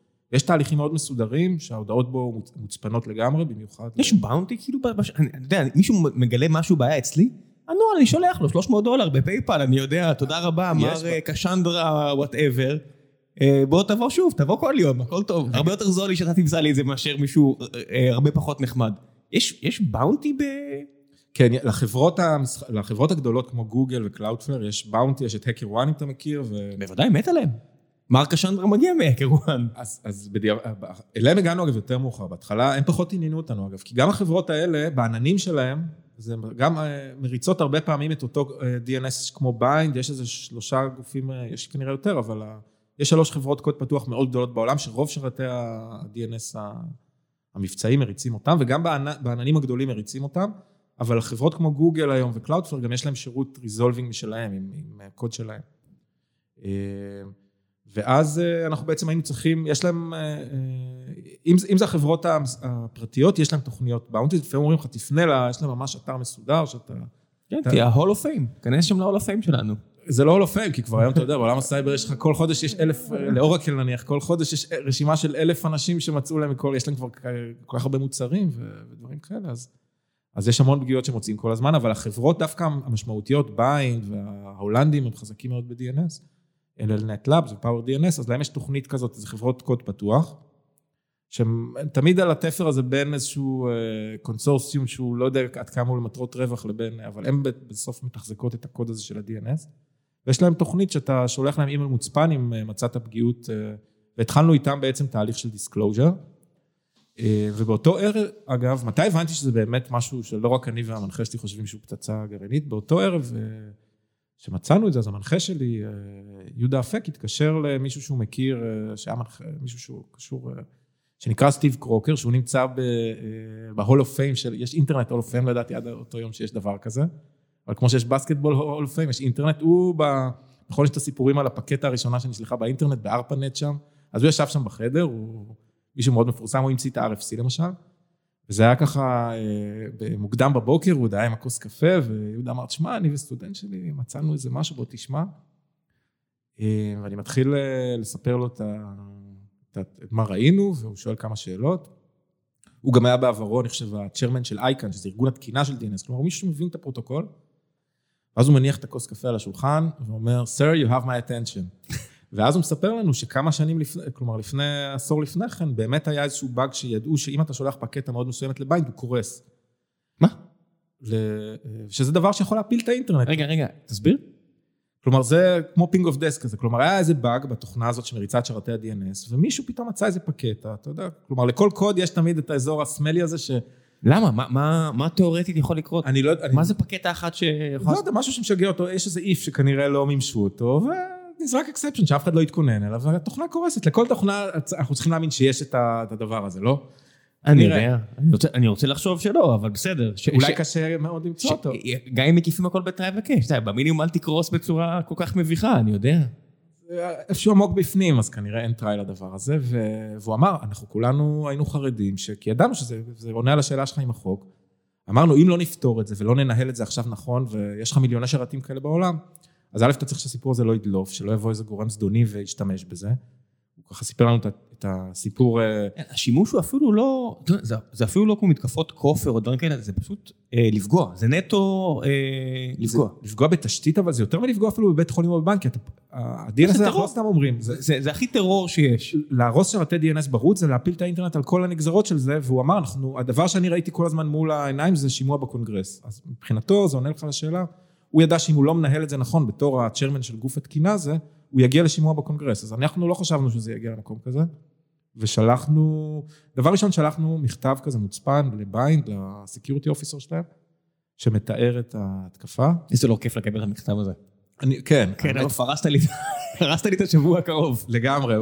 הדבר הראשון שהחבר'ה האלה מנסים לעשות זה לזרוק אותך מכל המדרגות. והם חזרו אלינו אחרי שבועיים ואמרו, תקשיבו, התקפה שלך... שבועיים. כן. היה מיד כאילו יום למחרת של, אוי, תודה זה מעניין, נחזור אליך, או שבועיים עד התשובה? לא, תודה מעניין, אני לא סופר את זה, זה קיבלנו מיידית, ואחרי שבועיים אמרו, תקשיבו, זה נחמד, זה יפה, זה short lived attack, הקש מיד, אתם תעשו את זה אחרי הבקשה הראשונה, אתם תיתנו לו את המאה האלה, יהיה באמת אמפליפיקציה מאוד גבוהה, אבל בקשה השנייה, הקש כבר יעשה לזה מיטיגציה, ואז ראיתי שהם לא מבינים את ההתקפה, כי, ה... כי אתה יכול כל הזמן לשלוח להם... אה, שנה קצת את הראשון. כן, אז תשלח להם כל פעם 100 אחרים, כאילו, כן. מה, אתם מנסים להדחיק? זה, זה, זה מאוד מאוד פשוט, והראינו להם גם, ונתנו עוד פרטים בה, כי היינו מאוד כזה מעופלים בהתחלה. כן, שאתה יכול להראות, כמו בתקופה ב-2016, הסיקוונס, יש מספיק מקום כדי לשחק עם זה, כדי שהקאש לא... לא, will not catch up, נכון, הקאש. נכון. מה, מה הבעיה? זאת אומרת, הנדסית זה לא איזה... המתמטיקה לא נורא מורכבת. כן, אני לא יודע מי בדיוק טיפל בזה שם, אבל שלחנו עוד פעם עוד הודעה. ואז אה, פתאום אחרי כמה שבועות, זה היה בדיוק, אני חושב, אה, אה, אחרי החגים או משהו כזה, מגיעה, זה היה ממש לפני שנה, מגיעה הודעה, תגידו עם מי דיברתם. עכשיו, כשהם שאלו את זה, מי יודע על זה? הבנתי ש... שהם הבינו את הבעיה. כן, אתם לא ברדיט, נכון? אתם לא- לא הוצאתם כבר- לא הוצאתם סרטון ביוטיוב שבו, הרבה פעמים אני מבקש מהחבר'ה האלה, שתראה, אני הולך לשלם לכם, אז לפחות תנו איזה, תשימו איזשהו סרטון קצר שבו אתם מראים איך אתם עושים את זה. ויש את הפעמים האלה שאומר, אל תשלח לי סרטון של הדבר הזה, אל תשים את זה ביוטיוב. אני הבנתי, על זה, תודה. אז זה, זה היה המסר שלהם, הם, הם, הם ראו שאנחנו רציניים, שאנחנו קבוצה של אה, חבר'ה מהאקדמיה ושרוצים לפרסם מאמר, אבל הם שאלו, חבר'ה, עם מי דיברתם, מי יודע על זה? ואנחנו, בואו נפתח איזה ערוץ, אה, ש... ואנחנו בעצמנו רוצים להודיע על זה לעוד כמה גופים, וגם תדעו שעוד חודש אנחנו מוציאים פאץ' לדבר הזה. חודש. כן, חודש, חודשיים, משהו כזה. אה, שאצלהם חודש זה מעט, כי זה, זה גופים. שלוקח להם אה, כמה חודשים להוציא. אה, צריך לבדוק. צריך לבדוק שה- שה patch לא הורס משהו. כן, ו- והם אמרו, אנחנו גם מודיעים לכל המתחרים שלנו, זה, ו- ואנחנו כבר פתאום התחלנו לקבל מעוד שתי חברות מאוד גדולות, ב- ב- ביוזמתם, אמרו, תקשיבו, שמענו על זה, אנחנו חייבים שתעזרו לנו לשחזר את זה. אימייל? אימייל מוצפן, זה הכל מוצפן ב-PGP, זה מקובל מסתבר בעולם הזה שכל, שאתה עושה disclosure וחושף איזושהי vulnerability, איזושהי פגיעות, אם זה משהו כזה לא מאוד לוקאלי ליישום מסוים, מדובר פה הרי בסופו של דבר בפגיעות של פרוטוקול. אז אה, מן הסתם רצוי שזה יהיה מוצפן הכל, והם הקפידו על זה ממש בצורה מאוד מאוד מרשימה. הכרת את כל הדברים האלה? לא הכרתי וגם לא המנחה שלי, אנחנו אני- למדנו אני- את זה. אני שומע מה שאתה אומר, אני אומר, זה נשמע לי הגיוני, אבל אני אפילו לא יודע לא, לא יודע. באיזה עולם, כאילו, למדנו את זה, תכף, אז עוד לא התפתחותה שהפכה את זה למשהו כן. מאוד מאוד אה, גדול. אה, ושלחנו, והתחלנו להתכתב איתם קצת ולענות להם על שאלות טכניות, ואז תוך כדי גם, רצינו לארוז גם, אתה יודע, בסוף אנחנו רוצים לכתוב מאמר אקדמי, אז, אז היה לי איזשהו רעיון, בואו נבדוק את זה לא רק על התוכנת BIND הזאתי, אלא בשנים האחרונות יש טרנד מאוד גדול שחברות כמו אה, גוגל ומוזילה ו Quad 9, IBM, הן רוצות שכל ה-DNS יעבור דרכם, זה נקרא DOH. לא יודע אם שמעת על זה, זה DNS over HTTP. כלומר, היום בעצם על ה-ISPs יש המון המון כוח, כי כל השאילתות DNS שלנו עוברות דרכם. אז הן יודעות עליך המון, גם בלי לנתח את התעבורה שלך, רק באמצעות שאילתות ה-DNS, הן יודעות... רק הג'או, מספיק, רק הג'או-לוקיישן זה כבר מגניב, שלא לדבר על, אם יכולות לחבר, מה חיפשת לפני כן. לגמרי. זה, הן יודעות עליך בעצם, הן יודעות שהיית בנייק ובאדידס, ואז פתאום איזשהו DNS לפייפל, הן כן. יודעות כנראה בדיוק מה עשית. כשישבתי פה, אירחנו את אה, טים, את המנכ"ל של דויטשה טלקום פעמיים, ואז הוא גם ישב, ישב איתנו לקשקש, זה בן אדם מאוד נחמד. מהמם. אה, גם המנכ"ל הקודם שלהם. אה, קיצור, בן אדם מאוד נחמד, והוא אומר, תנו לי, תורידו לי את האזיקים, גוגל, לכולם יש את המידע הזה. גם אני יכול להציע עסקה מסחרית כדי, להפ... כדי להפוך לאימפריה, כדי לתת נכון. fight לגוגל. אבל הרגולטור הגרמני, אה, הוא, הוא אמר, אנגלה מפריעה לי. אבל ברמות האלה זה אנגלה מפריעה לי, והוא אומר, אני יכול לעשות מה שגוגל עושים. אגב, אם נכנסים לזה, החבר'ה האלה הפסידו, הם אה, הפסידו במלחמה כבר בשנות ה-90 או 2000, כי אם אתה, אם אתה זוכר בתקופה פעם, נטוויז', החברות האלה של ה-ISP, הם גם שלטו, הם נתנו לנו את האימייל, אם אתה זוכר. האימייל שלך פעם היה בנט, אצל ה-ISP שלך, היום למי יש אימייל ב... אם? אני מקבל היום אימייל אה, שהוא לא ג'ימייל, אני מאבד הרבה מההערכה שלי לבן אדם. לא, אבל מצחיק, כי, כי הוא נתפס כמיושן. והרבה פעמים האנשים האלה עושים את זה דווקא בהפוך או לפוך, כי הם לא רוצים ג'ימייל. זה סטייל כזה, זה כמו כן. סנדלי שורש שלהם, ללכת עם ה- עם האימייל של... זה המספר ICQ שלך. זה כזה, זה סוג של- אבל, אבל כן. אבל החבר'ה האלה, אם אתה זוכר, נטוויז'ן, הפורטלים הראשונים בישראל היו של ה-ISPs. לא היה... חבוב, מה אנחנו עבדנו? אני עבדתי בסמייל מדיה, באינטרנט זהב 98, 99, אתה נו, יודע, זה- אקטקום, זה כל בדיוק החבר'ה, זה, הם היו. הפורטלים, אבל הם הפסידו את המלחמה, כי באו... הם, הם בסוף שוכבים על הגדר, מביאים לך את האינטרנט הביתה, מביאים לך את ה connectivity. המין ההיגיון היה שהם ייתנו לך את האימייל ואת ה content. הם הפסידו כבר מזמן את המלחמה הזאת לגוגל ולכל כן. נותני ה content, וזה התחיל עם ה-CDNים. ה-CDNים עדיין יושבים אצלם, אז הם גובים על זה כסף, אבל הם כבר לא גובים כמו שהם גבו פעם, כי הם לא יכולים. השאירו להם מעט מאוד בשר. מה נשאר להם? השאר ה-DNS, ועכשיו גם את זה רוצים לקחת להם. והם מוכרים היום עדיין שירותים של אנטיווירוס, אני חושב, דברים כאלה, אבל זה לא הביזנס שהיה להם פעם. בפיתה. כן, אז, אה, אז, החברות, אז גוגל גם את זה רוצים לקחת, רוצים, והם אומרים, תקשיבו, הם אומרים למשתמשים, אנחנו קצת סוטים, אבל זה מעניין. הם אומרים למשתמשים, אתם את כל השאילתות DNS שלכם, אתם עושים דרך ה-ISP, זה לא בסדר, הוא, זה בעד של פרטיות, הוא יודע לכם הכל, הוא ימכור אחר כך כל מה שאתם עושים, בואו תעשו דרכנו, אנחנו מבטיחים שאנחנו לא מסתכלים על זה. אנחנו מבטיחים שאנחנו נמכור את זה, אבל אנחנו נעשה את זה בצורה אנונימית. כן, אז הם, אז הם הקימו שרתים מאוד גדולים, שאם אתה מכיר 8.8.8.8 ואחד של Cloudflare, והם רוצים שבעצם יש מהפכה, ואיך הם מכריחים את כולם לעשות את זה? הגרסאות החדשות של אנדרואיד על הפלאפון שלנו, אה, וגם ה- ה- הגרסאות החדש, החדש, החדשות של פיירפוקס, של מוזילה, הן מגיעות כבר עם default DNS, שהוא ה server שלהם. ולא מה שהיום, אם תסתכל בראוטר שלך או במערכת הפעלה, ה-DNS שאתה ניגש אליו, הוא בעצם ה-DNS של הספק אינטרנט שלך. הם לא רוצים שתיגש לספק אינטרנט, אז הם די בכוח כבר מנסים... אה, אתה יודע מי ה-Chief Innovation של Cloudflare? היה שותף לספר כתיבה של אה, קלייטון קריסטנסון, מי שהמציא פחות או יותר את המושג של disruption והכל, ועזר למנכ"ל של אינטל, ויש לו פודקאסט. אוקיי. אה, אחד האהובים, Stratechery, אה, אחד ה... אני מת לשמוע אותו, והוא תמיד, אתה יודע, הוא רומז כזה, מה Cloudflare יכולה לעשות. מה אנחנו יכולים לעשות? האמת זו חברה מדהימה. חברה מדהימה, אנחנו מתים עליה במובן הטכני, על Cloud Cloud Workers ועל על כל הדברים שהם מביאים, אני מת עליה. ואחד הדברים שאני מת עליה זה שהיא יכולה גם לגבות ממני עשרת אלפים דולר בחודש וזה יהיה הגיוני. היא לוקחת מאיתנו הרבה פחות מהחברה נכון. שלנו. ואתה אומר, מה ה game שלהם? מה המשחק? איך הפלא הזה קורה? ואתה רואה שהם חופרים מוטס. הם, כן. הם, ברמה הטכנולוגית, גם בתור חוקר, הרבה פעמים ראיתי בלוגים שהם רושמים על... על, אה, על אה, זה לא כזה אופייני לחברות מסחריות, הם, הם צוללים עמוק והם עושים דברים יפים. הם חברה מדהימה, ואם אתם רואים, אני לא ממליץ לכם, אסור לי להמליץ לכם על מניות ועל דברים כאלה, אבל תפקחו עין על הדבר הזה, על Cloudflare, זה פשוט הפוטנציאל שלהם מתישהו to flip a switch ולהתחיל לעשות כסף ממידע, הוא מדהים. נכון? הוא מדהים, אנשים לא מבינים החיבור של אחד ועוד אחד ועוד אחד, להגיד, היי, אתה עשית ככה, ואתה עשית ככה, ואתה עשית ככה, בלי שתחפש בגוגל, הרי כל ההבטחה הזאת של גוגל, של אנחנו יודעים עליך הרבה לפי מה שחיפשת. אבל זה משהו אקטיבי. נכון. באת לגוגל וחיפשת. לא חייב אקטיבי. כן, הם בצורה פסיבית יודעים הרבה מאוד דברים. ונחזור לסיפור שלנו, אז, אז אמרנו, בוא נבדוק עם ה resolverים האלה, שאנחנו לא יודעים אם מריצים BIND או לא, הם גם resolverים. אז אני יושב בשתי הפינות ואני אריץ את אותה התקפה שלי, וראינו שגם אצלם יש לא את אמפליפיקציה שראינו, לא פי 3,000, אבל יש פי 100, זה עדיין נשק אה, מאוד עוצמתי.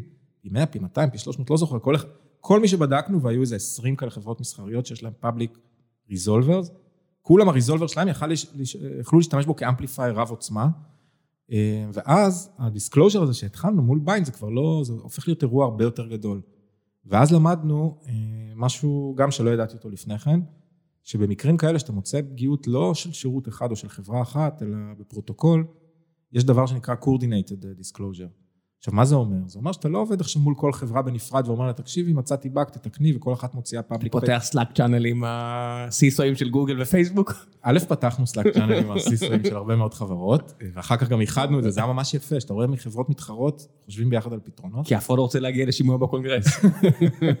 באמת, כן. באמת. טוב, וטוב שכך. אבל יש אחריות שהיא גם פלילית בדברים האלה, פוטנציאלית. כן, אבל הפחד העיקרי, אגב, וזה אני לא ידעתי, אבל זה מאוד הגיוני, זה שרוצים להיות מתואמים. כלומר, אתה, אתה בא להרבה מאוד גופים ואומר להם, כולכם מוציאים פאץ' לאותה בעיה. עכשיו, מה הבעיה? אם רק גוף אחד, אם נניח רק Cloudflare היו, או כמו ביין, שהם אמרו עוד חודש נוציא תיקון, אם הם מוציאים תיקון לבד ומספרים, הוצאנו תיקון לבעיה כזאת וכזאת, נורא ואיום. יושבים האקרים אומרים, אה, הם עושים אינפרנס לבעיה כבר. הם אומרים. אוקיי, יש פה בעיה, אנחנו כבר מבינים, זה קוד פתוח, הם רואים מה הם תיקנו. כן, אין כמו תיקונים בוורדפרס, שאתה אומר, מה הם תיקנו? אה, בוא נראה כמה, אתרים בעולם עדיין לא עשו את העדכון הזה, יופי. תודה רבה על המידע, חברים. נכון, זו שיטת עבודה מאוד... אה, מאוד- למה לחשוב? לחשוב על פרצות יש מאין זה סופר קשה. נכון, לראות מה פתרו, ואז ללכת לכל מי שיש לו גרסה אחת אחורה, זה הרבה יותר קל. לגמרי. אז אמרו לנו, תקשיבו, אתם בכלל צריכים לנהל תהליך הרבה יותר מסובך מה responsible שפתחתם מול BIND. צריכים תהליך מתואם, לפנות, לצורך העניין, בדקנו את זה על 20, אה, אני חושב שבאותו רגע זה היה 12 או 13, 13 שרת, אה, שרתים, ושלחנו לכולם אימייל מאוד מסודר, שאנחנו מכריזים בעצם על איזשהו תהליך של אמברגו של 90 יום, וגם הודענו ל BIND שלהם, הודענו ראשונים, אמרנו להם, חבר'ה, בתום ה-90 יום האלה אנחנו יוצאים עם המאמר.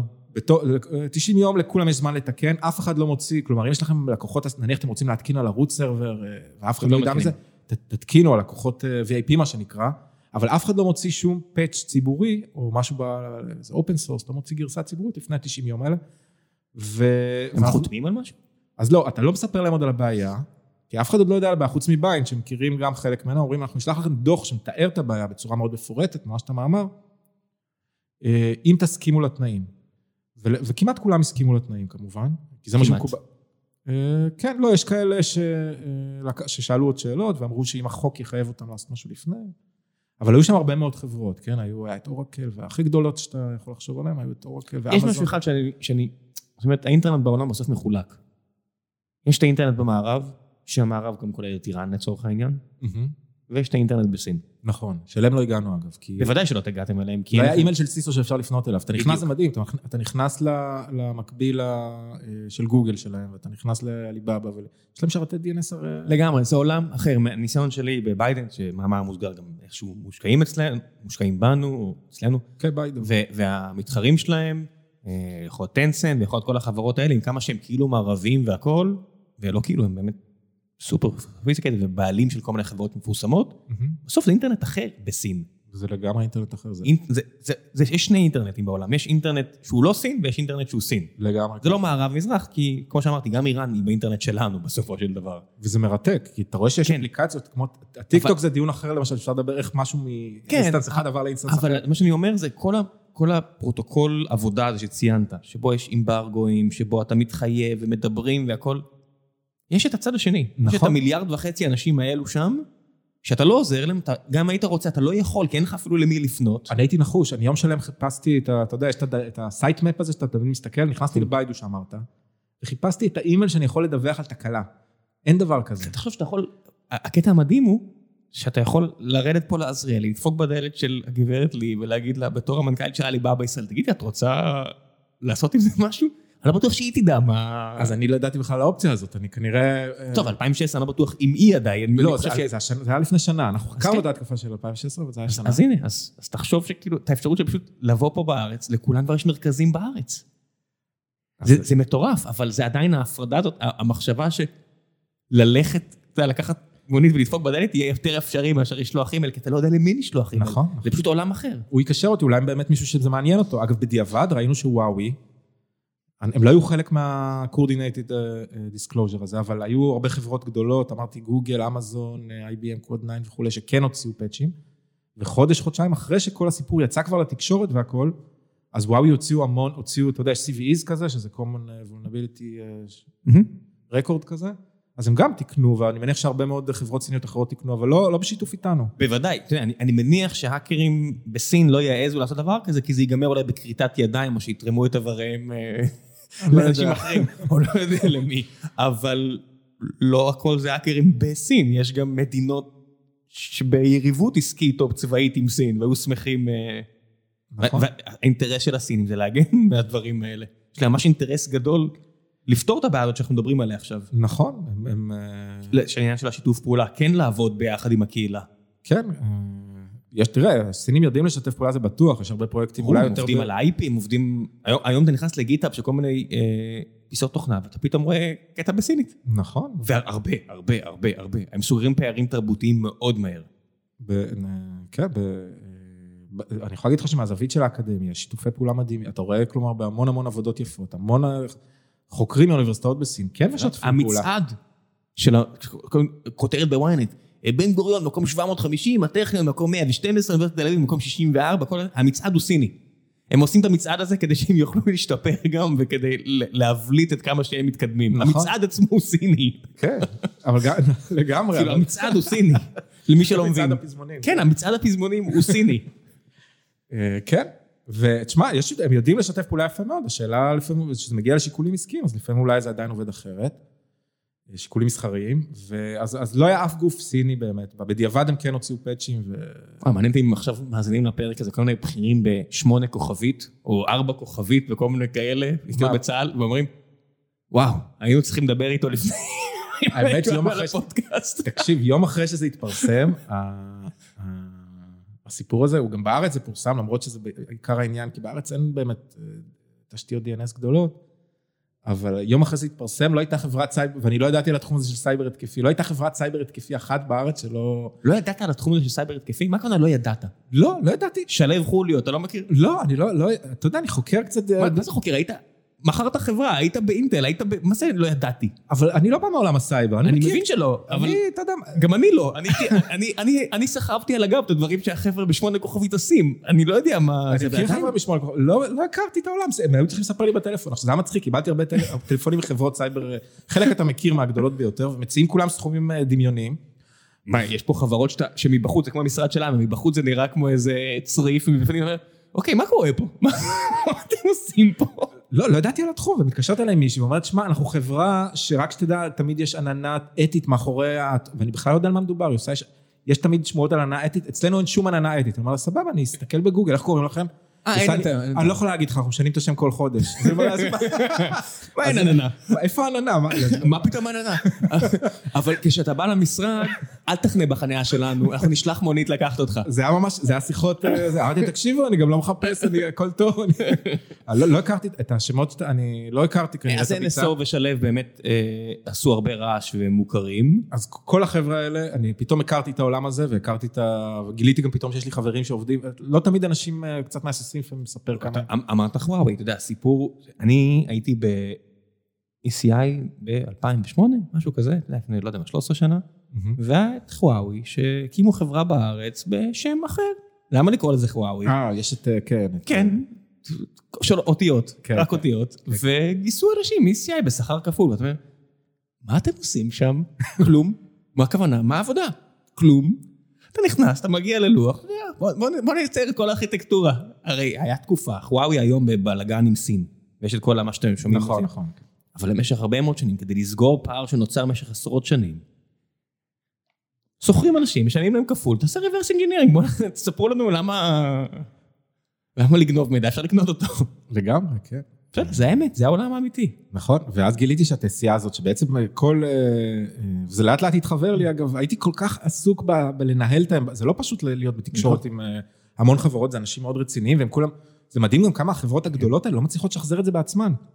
זה, אתה נותן להם אני ממש... אפילו לא ידעתי שיש דבר כזה הצפנת אימייל עד שלא אמרת עכשיו, כאילו ידעתי שיש, אבל ידעתי שזה כזה פשוט לעשות את זה. שאתה אומר לי, אנחנו מצפינים את האימיילים מצד לצד, אני מודה, לא ידעתי. GP, תסתכל על GPG, וזה יש... אה, זה לא, קצת אני- ארכאי אולי, אבל כן, זה... אני- אני אסתכל עליך, אבל לא לא חשבתי, אתה יודע, במו- בר- בר- לא הייתי צריך אף פעם, אתה יודע, העולם שלי עולם די פתוח וכן. כן, יש תוכנות שאתה מצפין את האימייל שלך ואתה... רוצה לשמוע משהו מגניב? כן. את הפרק הזה שאנחנו מקליטים עכשיו, מהמם. הרי אני יכול לראות מאיפה מאזינים. את הפרק הזה שאתה מקליט עכשיו, שאנחנו מדברים עליו עכשיו, אוקיי. ישמעו באיראן. זה זה דבר שהדהים אותי. באמת, אני אשמח לשמוע איך אתה רוא- רואה ויודע כזה. מה כאן רואה? אני רואה בשרת מאיפה מגיע הפניות, אבל אתה אומר, "אי, לא, אתם לא עושים VPN, אתם לא עושים את המינימום של אה, להסתיר את זה, ולא, אני רואה שיש פרקים, שאתם יכולים לנחש איזה פרקים, אם תסתכלו על רשימת אורחים, שמאזינים להם באיראן, ואתה אומר, איזה עולם, כן, אה? איזה עולם. האמת זה כיף לשמוע, זה, זה, זה- זה- תענוג לשמוע. תמיד יכול להיות גם שזה סתם חבר'ה שמבינים עברית, ופשוט מסתקרנים על הצד השני, הדמון הגדול, אתה יודע, ורוצים לשמוע אולי... יש, אני מניח, לא יודע, אני אולי אני תמים, לא יודע. אם, אם זה כאלה או לא אנשים שהעבודה שלהם זה לשבת בחדר ולאסוף מידע על ישראל, כי פשוט צריך להכין תיק. כן, גם אם הם היו רוצים, היו יכולים להסתיר את זה. אתה יודע, עם תור היום, הרי אתה גולש דרך מכל מיני...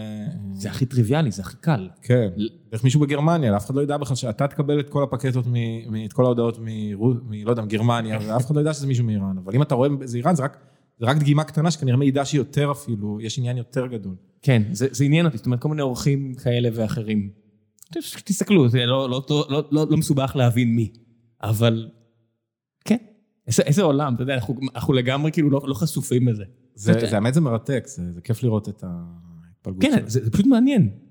וכשאתה גדל כמו שאני גדלתי, אתה בכלל לא ידעתי על הדברים האלה. זאת אומרת, לא ידעתי בכלל שיש יחידות כאלה, לא ידעתי בכלל שאנשים עושים את זה. אחרי זה בדיעבד, באמת אחרי זה התפרסם, כי כולם שם הפכו להיות סטארט-אפיסטים שלקחו את המידע ו- ועשו איתו את כל החברות האלה שציינו עכשיו, אבל כן, אני ידעתי ש... ש אה, אתה יודע, זה מאוד אינטואיטיבי לחשוב שיש חברות שרוצות לפרוץ לפלאפונים ולמכור את זה כשירות.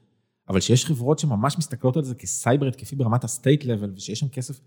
אני מבין, אני מבין את זה היום טוב מאוד, אבל אני לא, לא הכרתי כל כך את ה... ידעתי, אתה יודע, מסיפורים, לא הכרתי את זה כחלק מהעולם שלי, בוא נגיד ככה. שזה מדהים בעיניי שלא ידעת, זאת אומרת, הייתי מצפה כן. שבמחלקה באוניברסיטה, יגיע מדי פעם בן אדם בדרגת סגן אלוף או אלוף משנה וייתן לכם את החוקים. אה, אז לא, אני לא נתקלתי במה שאתה אומר. תראה, יכול להיות, אה, יש הרבה מאוד אנשים שיש להם את שני הכובעים, שהם גם אלופים והם גם אה, מרכ... אה, אה, אנשי אקדמיה לצורך העניין, פרופסורים, אבל האקוסיסטם הוא כל כך גדול והווקטורים והאיומים הם כל כך גדולים. זה כמעט מרגיש שבלתי אפשרי באמת להתגונן.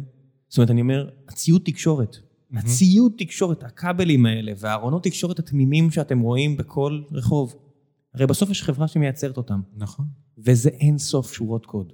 זה fucking אין סוף שורות אין סוף קוד. שורות קוד, וה-IoT האלה זה גם, זה, זה משהו שהוא מהות, בתוך כל הג'ונגל הזה, המכשירים החכמים, תחשוב שהיום יש צעצועים שנותנים ל- לילדים, לתינוקות קטנים, שהם הם איכשהו מחוברים לאינטרנט, כדי שהם אפשר יהיה לשלוח להם קולות חדשים ומנגינות חדשות. כן, כולם רוצים שהכל יהיה מחובר לאינטרנט, והעלו את הרמת סיבוכיות לאינסוף. נכון, אז, אז, אז אתה, אתה מנסה לחשוב, אתה יודע, כולם יודעים שאם האצבע שתפתח להם את הדלת בבית תיפרץ, אז יש משמעויות הרסניות ושיכול לבוא כל אחד ולפרוץ להם בבית. אבל תחשוב שדובי שאתה נותן לתינוקת, פתאום מישהו יכול להקשיב ולהקליט ולהעלות לאיזה dat- data, database את מה שהדובי הזה שומע, זה, זה פשוט מטורף, זה...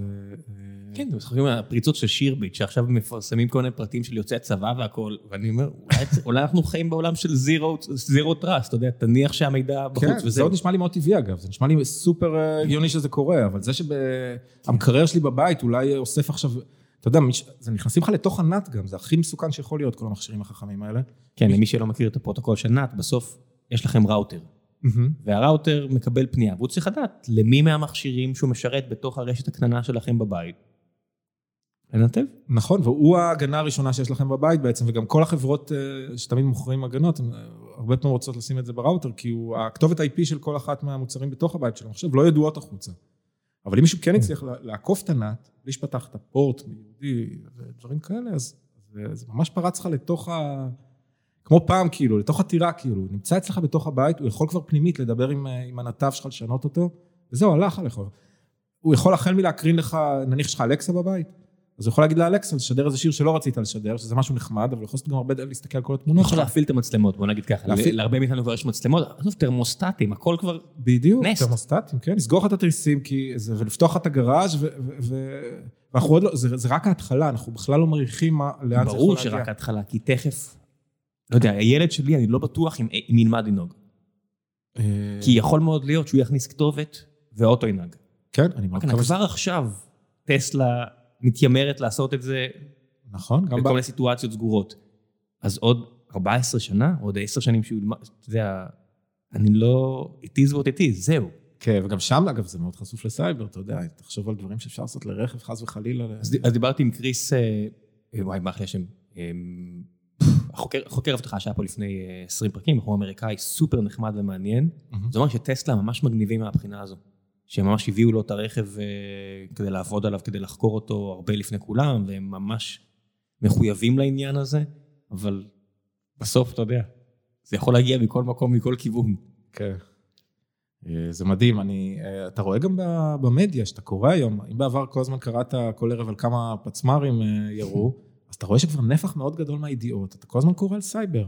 כן, עכשיו, as we speak, as as we we speak. התקפת סייבר, ו... מהגדולות בהיסטוריה אולי. כל דבר הוא, כן, גם יש כל כך הרבה רעש ווקטורים של התקפה, שגם, אתה לא תמיד מבין מה קרה, כלומר, רב הנסתר על ה... אתה, אתה קורא את ההודעות האלה ורב הנסתר על הגלוי, גם בתור, אה, אתה לא באמת מבין אה, אה, מה היה הסיבה להתקפה. הייתה התקפה מזמן המפורסמת של, על טוויטר, שכביכול לקחו אנשים מאוד מפורסמים שהם צייצו דברים שהם לא רצו לצייץ, נכון? לא כביכול. התוצאה הייתה זה. זו הייתה התוצאה. חש- חשבונות מפורסמים צייצו הזמנה למשהו כזה או אחר, כן, סקרים ביטקויני. כן, ומציגים את זה כאיזושהי התקפת סייבר, ומספרים לך הנדסה חברתית וזה, בסוף מישהו, אחד העובדים עובדים. שחרר איזה קוד, ומישהו יצטרך להיכנס, אבל... כלומר, הספקטרום והמרחב של נזקים שאפשר לעשות הוא בלתי נגמר, אז... אני חושב שצפוי לנו, הזירת הקרב העתידית תהיה לגמרי... היא עכשיו, היא עתידית רק בגלל שאני ואתה לא, לא, לא בעולמות האלה, אבל היא לגמרי שם, מ- מרמה של... היום אני כבר כן שם, אבל היא, היא, היא ממש בהתחלה שם, אני רק אומר שהפוטנציאל, זה, זה הולך פשוט להיות כל כך... ולא בהכרח לסובב צנטריפוגות נורא נורא מהר. בדיוק, כן. זה לא בהכרח זה. אבל ברמה הפילוסופית, אפשר לחשוב אם זה עדיף, כאילו, מה אנחנו מעדיפים? שמדינות אה, ירצו אה, כדי אה, להתנגח ולעשות ככה... אה, האם באמת צריך לשני? לשלוח ילדים בני 18 עם נשק, או שילדים כן. מאחורי מקלדת יציקו אחד לשני ויגרמו לזה שלא נוכל להיכנס לגוגל דרייב שלך במשך ארבע שעות? כן, כי זה בוא מצחיק. נשאר בזה, זה כיפי. זה כיף, האיראנים לפני כמה חודשים, לפני חצי שנה, בדיוק באותה תקופה במים, התגאו שהם אה, חדרו לאיזה מחשב של מערכות המים של... בסדר, ו- יופי. או שהם פרצו למלא אתרים אה, שנמצאים באחסון אה, ליגה לא מהמוגן ביותר, ושמו שם תמונה של להבות. אני מעדיף שככה תראה המלחמה מאשר שישלחו טילים, אני אומר ברצינות, זו זירת קרב שהיא... עוד פעם, אם יפילו פה תשתית ש- שחס וחלילה הקורבנות יהיו אחרים, אז זה לא נעים, אבל זה זירת קרב שיותר נעימה, שתהיה תודעתית. היא שלא- תרבותית. היא תרבות. תרבותית. חז- חזרנו למלחמות תרבותיות ומה- ואינטלקטואליות. כן, זה כמו קרב בשח. לא- כן, דוד נגד גוליית, בוא נבחר נציג ובוא נהיה פורץ יותר. וגם אתה רואה כאילו את ישראל שאומרת, אתם יודעים ששיבשנו להם את הנמלים וכל מיני כאלה, יופי אחי, פנטסטי, גם אנשים באיראן נראה לי נשמע להם טוב, שזה, שזה מה שקורה. כן, זה מצחיק, הם אמרו, עשינו פקקים ליד הנמל שלהם עכשיו, שיבשנו את כל המצלמות ויש שם פקקים נוראיים. אבל זה, זה, זה, זה קרב... קשרתי, קשרתי להם את השרוכים. עכשיו אנחנו צוחקים, אבל שיהיה מכוניות אוטונומיות וכאלה, אול- אולי אפשר לדאוג לכך. הרי לא, גם- לפי פרסומים זרים, שאתה רואה עכשיו את החיסול של אותו אה, מהנדס גרעין איראני, אתה רואה שגרמו לכך שכל הרמזורים יפסיקו לעבוד, או לא יודע מה, לפי פרסומים זרים, עכשיו מישהו מאזין וצוחק, הוא לא יודע כלום. אבל כשאתה קורא כאילו, הכל סבבה, טוב לא, לא שכך, כי אני זה- קשקשן, אבל... לא, לא, דווקא הדברים האלה, דרך אגב, הדברים הפשוטים ביותר, זה בדיוק כן. מה שקורה. כן, כן, אבל, לא אבל אתה. רואה שכדי לעשות מבצע כזה, זה רמת מורכבות שאם היית רואה אותה בסרט של ג'יימס בונד או דברים כאלה, אתה אומר, מה זה השטויות האלה? די, די עם הקשקושים האלה, ואתה אומר, צברתם יכולות במשך עשר שנים והסוויתם אותם ב... אה, רק הפרענו להם קצת בנמל, אבל כשאתה ממש צריך עכשיו לפגוע בבן אדם ספציפי ואפילו לא להרוג את אשתו, אתה צריך שכל המבצע הזה יהיה מתוקתק ולשלוט ברמזור ולשלוט במים ולשלוט ב... בתקשורת, כדי לדאוג שלא יהיה טלפונים סביבו עכשיו. נכון, נכון. איזה, איזה עולם מגניב. אה, כן, עולם והכל מסו- בגלל, בגלל שהפרוטוקולים שלך לא, לא מתעדכנים מספיק מהר. נכון, משתדלים לשפר אותם. מה הלאה? הדוקטורט בסוף יהיה מה? או סופת מאמרים? אה, כל דוקטור, היום במדעי המחשב זה לא, זה לא הבחנה שפעם היה בין אסופת מה, לא, הוא יהיה תזה שלמה בנושא הזה, ויש עוד דברים אתה יכול להגיד מה התזה? כאילו מה השאלה המחקרית או... כן, הגנה על, על אה, התקפות אה, DNS בעיקר, זה כלומר, ועל ריזולברים, ויש משהו עכשיו אה, לא פחות מעניין שמסתכלים עליו. אגב, יום לפני שזה פורסם, פתאום יצר איתי קשר, מישהו שנקרא דן קמינסקי, שהוא מצא exploit מאוד מאוד מפורסם ב-2008, את ה exploit הכי גדול שהיה ב-DNS עד אותו יום. ושם בארצות הברית ההאקרים הם סלבים, זה לא כמו בארץ. כלומר, האקר הוא כמו זמר במסכה, הוא- כולם מכירים אותו, והוא מצא... אגב, הפגיעות שאנחנו מצאנו היא קיבלה את הדירוג הכי גבוה אחרי ההתקפה שהוא מצא ב-2008. ודיברנו, ו- ועלה לנו איזשהו רעיון אה, חדש אה, של כל- מה שקשור ל hijacking של אתרים, וזה כנראה יהיה הדבר הבא. קריס רוברטס. זה, זה הבחור שהיה כאן, והוא הוא גילה איזה בדיוק במה שקשור למערכות תעופה. הוא אמר, גם בפרק, תקשיב, יש דברים שאני יודע, שמן הסתם ה-FBI, אם אני אספר אותם, מיד מישהו ידפוק לי על הדלת, מיד. הפרק הזה לא יצא, מה שנקרא. כן. ואתה יודע, בסוף אנחנו צוחקים על אי נעימויות, אבל טייסים לא באמת מטיסים יותר מטוסים. נכון. הם כאילו, היה עוד פחות, עכשיו הם מטיסים יותר, כי גילינו שטייסים שכחו לטוס, שכחו לדעת איך לטוס. אתה יודע מה- מה אומרים? ש, אה, שרק אחת לחמש נח- אה, נחיתות, הטייס באמת מנחית ידנית, וזה גם כדי לשמור על כשירות. כן, העניין של אתה השימור כשירות, היה, היה תאונה, אני חושב שבארגנטינה או צרפת או לא יודע מה, ש, שגילו שהטייסים פשוט כבר לא יודעים לטוס. אז זה עכשיו ממש- מכריחים אותם לטוס. אז 80 אחוז ממחיאות הכפיים, אתה יודע, אתה מוחא לרובוט. אה, וגם ה-20 אחוז, לא ברור. אני, אני מבחינתי למחול לרובוט, הרי לא יודע, מה יותר מרשים, בן אדם ש... אני מוחא לרובוט אישית. יודע לטוס, או העובדה שיש אלקטרוניקה ומדעי המחשב והנדסה שבנו את הדבר המדהים הזה. כאילו, מה יותר מרשים, מי שמתפעל את זה, או כל עשרות אלפי אנשים שבנו את זה? בעיניי התשובה מאוד אה, אני מוחא כפיים על הפלא הזה. כן, זה לא, לא טריוויאלי כל הדברים האלה. לגמרי. מה איתך? מה הלאה? תראה, אני היום, אה, אה, הדוק- ה- הדוקטורט כרגע, האמת, אני טיפה ככה בהאטה, כלומר, אני עוד אסיים אותו וצריך לתת עוד גז בשביל העבודה האחרונה כנראה. אה, אני עובד בעיקר בחברה שנקראת אינוויז, שהיא חברה בתחום הרכב האוטונומי, ואני התחלתי שם איזושהי פעילות חדשה, אז אני נמצא. שקשורה לאבטחת מידע? לא, תחום אה, דווקא של רכב אוטונומי, של אלגוריתמיקה, של computer vision. וואלה. כן. מעניין אותך יותר? אמ, כן, זה מאוד מאוד מעניין, אני גם שם כבר כמה שנים ומאוד אה, ככה... מה, LiDARים וכאלה? ממש חברת LiDAR, כן. אינוויז חברת LiDAR. אה, ובכלל, אני מאוד... קצת מתנסים על אה, מובילאיי? אה, אני לא אכנס להצהרות כאלה, לא מסמכותי. חברה מדהימה אגב, שמאוד מאוד מתקדמת אה, בשנים האחרונות, ובכלל הרקע שלי אגב הוא רקע תוכנתי, כלומר אני אה, מעולם לא, לפני כן לא הייתי אלגוריתמאי או, או התעסקתי בסייבר, אלא ממש בתוכנה ב general purpose ובוורסטיליות שלה, וזה מבחינתי עוד, אה, כמו שהתנסיתי עם סייבר, אז עכשיו אני עם computer vision, אני ממשיך, אני כלומר דווקא נהייתי מעורב הרבה, הרבה יותר בסייבר מאז כמובן, מאז המחקר הזה. אה, גורם לך לחשוב כאילו על כל מה שקשור למכוניות אוטונומיות, אה, עד כמה זה פגיע ומסוכן? כרגע לא, אבל יכול להיות שבעתיד כן. כרגע אני מתעסק ב... כלומר, החברה מתעסקת יותר ב- ב computer vision של ה LiDAR ופחות ב... מה, מותר לספר עליה קצת? על אה, אינוויז. כן. זו חברה שהוקמה לפני אה, קצת יותר מארבע שנים. אה, כמות החברות בתחום הרכב בארץ, זה חצה לפי דעתי בדיוק את המאה או את ה-200, או לא יודע לא, מה. אבל אינוויז היא אחת המובילות, זה- זה-. זה- זה באמת קבוצה של אה, יוצאים אה, של שמונה כוכבית, מה שאמרת, שהקימו את החברה, ובזמן מאוד מהיר גדלו, היא גם אחת החברות הממומנות, כלומר, אה, סטארט-אפים ממומנים בארץ. אה, מייצרים ליידר, שזה איזשהו חיישן שהוא שונה ממצלמה, שהוא שולח בעצם, אה, מרגיש את הסביבה בצורה שונה. אה, זהו בגדול, חברה, מה אתם מנסים לעשות? עושים ליידר, שזה זה אותו חיישן בעצם, שהוא שונה. אה, במה זה שונה, לא יודע מה, כשאתה נוסע בוואלי, היה תקופה שהיה באמת אפשר לצאת מישראל, אה, אז אתה רואה את כל המכוניות האלה של גוגל עם ה... עם העיגול הזה למעלה, זה באמת, כן. הליידרים, וגם גם- שם זה ליידר. זה ליידר וזה ליידר מכני, הוא לא באמת, הוא, זה לא משהו שיכול, אה, הוא מאוד יקר, הוא עולה עשרות אלפי דולרים. שלהם? הליידרים של ויימו? של, זה לא של ויימו, זה של חברה שנקראת לרוב, ולודה אני חושב, שזה ליידר מכני בכלל, עם רכיבים נעים, והוא טוב לצורכי ניסוי, אבל אם רוצים באמת פרויקטים מבצעיים ש- שיצאו ל... שרכבים יצאו לכביש, צריך להוזיל את זה, מה שנקרא solid state ליידר. וזה מה שאינוביז עושה, והיא מנסה, כלומר, היא מצליחה לעשות... יש כבר רכבים בארץ שנוסעים ככה? שרכבים אוטונומיים לגמרי מבחינת הרגולציה, אין, אה, אין בישראל רכבים של בלי נהג בכלל אה, נוסעים, אבל זה לא קשור ל... כלומר, זה עדיין לא, לא הגיע לשם בכל העולם, אגב. זה... לא, אצלכם, שאתם עושים ניסויים אנחנו לא גם מתעסקים עם ממש עם ה...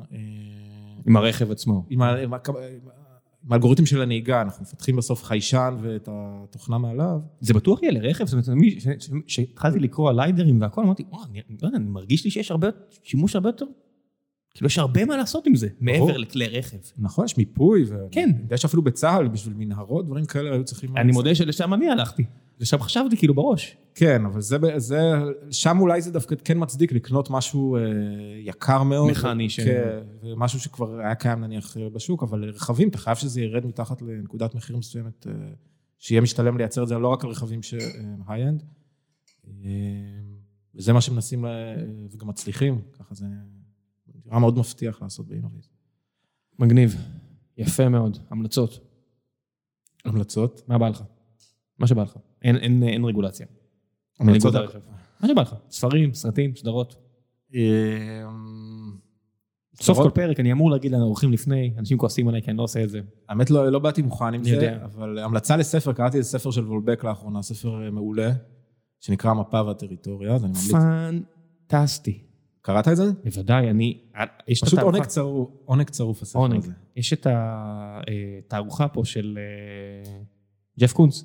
אה, ג'ף קונץ מופיע בעמוד הראשון, שהוא הציור של ג'ף קונץ. ג'ף קונץ ודמיאן הרסט. עכשיו, אני לא חובב אומנות, מדהים. ואני נחשפתי לכל העולם הזה של האומנות דרך המפה והטריטוריה. פורסם לפני, לא יודע, מה, ארבע, חמש שנים. נכון, אני חושב שאתה מכיר את זה, זה, זה ספר... אה, אה, אני מת ספרים, אני אני קורא יחסית הרבה, ומישל וולבק הוא מהסופרים האהובים עליי. אה, אז לצאת מהמאה ה-20, קראת את ה... קראתי את כולם, קראתי את כל הספרים שלו, עם כל הבעייתיות שבהם. בבירור הבן אדם בעייתי מאוד. אבל דווקא במפה והטריטוריה זה לא בא לידי ביטוי, כי הוא מאוד מתון שם, הוא לא נכנס לתיאורים כאלה...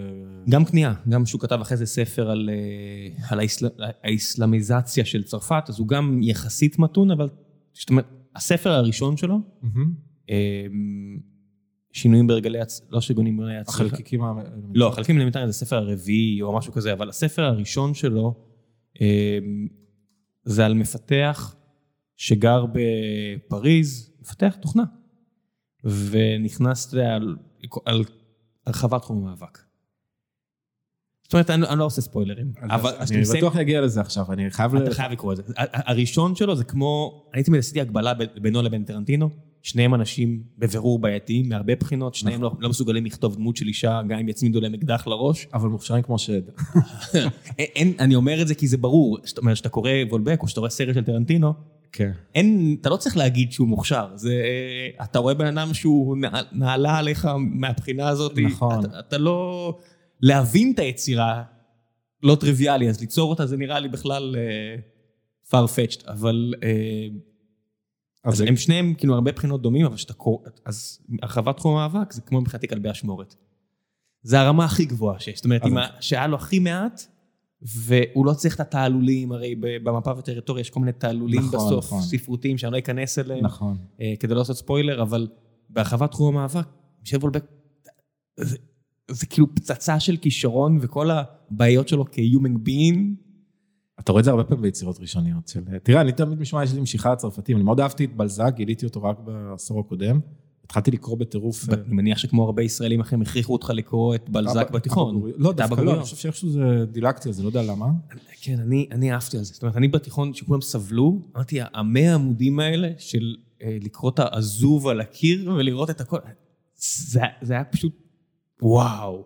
זה בעיניי רמה מעל כל דבר אחר שהכרתי, וגם עם וולבק, פתאום אמרתי עוד צרפתי שאני ממש אוהב, כאילו, והוא בן דורנו וזה מדהים. זה כבר כן. לא קלאסיקות, זה לא... כן, יש הרבה נטייה ל... משהו בריאליסטיות, איך שמתארים את ההתבוננות בחיים. אצלם זה חי ותוסס. אתה ידעת שהוא מקודד? מי? וולבק. לא. לעניות דעתי, אה, הרחבת, בוא אני אסתכל, הרחבת תחום המאבק. אה, עכשיו בכלל? הוא למד, כן, כן, כן, אוקיי. לא, לא, היה לי ספק, זאת אומרת, כשאתה קורא את החברת תחום מאבק, ברור לך שהוא כותב על עצמו, הוא, הוא היה איש תוכנה. לא ידעתי. אחרי שתקרא את זה, אם אתה קורא את זה, את מלחמת תחום מאבק, ואחרי זה את כל שאר הספרים שלו, everything clicks. אתה תבין את הקטע. אז. מצפות לי שעות של, אה, של הנאה צרופה, אתה אומר. או שלא, או, או, או, או, או חוויה מייסרת מאין כמוה. אבל כן. אני נכנסתי לאיזה סניף של סטימצקי או משהו לפני, לא יודע מה, 15 שנה, ודיברתי קצת עם המוכרת, היא אמרה לי, תקרא את הספר הזה, צריך אותו. איך היא ידעה? לא יודע. אבל חזרתי שבוע אחרי זה וקניתי את כל שאר הספרים שלו שפורסמו עד אז. אוקיי, this is the shit. כאילו, ברור לי שזה לא בסדר, זה כמו לקרוא את היינליין. יצא לך לקרוא היינליין? אז רוברט היינליין כותב ספרות מדע בדיוני. אה, הוא כותב על מדע בדיוני, לצאת מהמאה העשרה, וולבק כותב, ממש נותן שם את ה... את ה enemies שלו, כי הוא חנון של תוכנה מאחורי הקלעים. בגלל זה אני אומר לך, אז אתה קורא את היינליין, אז הרבה אנשים ראו את הסרט, את Starship אה, Troopers של פול ורהובן. אה, הסרט מגניב, איך שהוא מעביר את העלילה, ויש הרבה דברים מגניבים, ואז אתה קורא את הספר, ואתה אומר, אוקיי, זה רמה אחרת. כן, כן. זה, זה כמו משחקי הכס ולקרוא את משחקי הכס. זה... אני רק ראיתי, לא קראתי. אבל זה...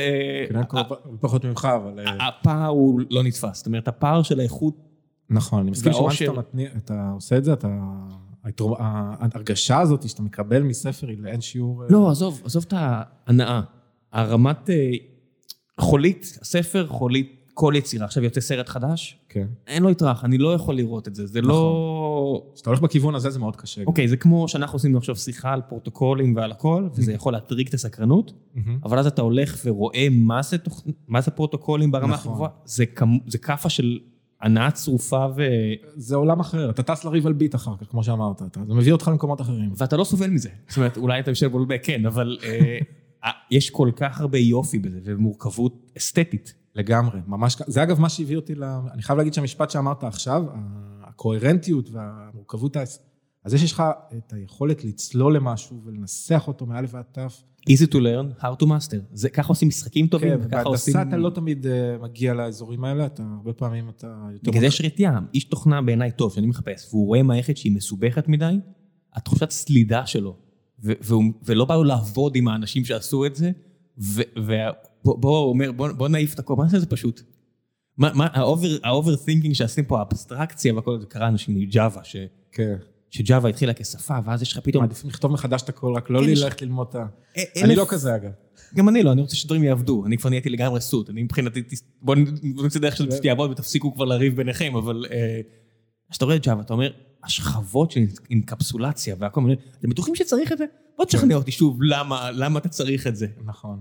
אז כן, העולם הלך לשם, אז בקיצור, אז מישל וולבק, המלצה חמה מאוד מצד שלנו, מפה וטריטוריה, ספר שהוא כתב על עולם האמנות, ואז אה, אם תלכו למוזיאון תל אביב ולתערוכה של אה, ג'ף קונס, פתאום תסתכלו עליו באור אחר לגמרי, אני מבטיח לכם. נכון. כי אני לא ידעתי, כי אני לא למדתי אומנות, אני לא הכרתי כאילו את האיש או פועלו לפני.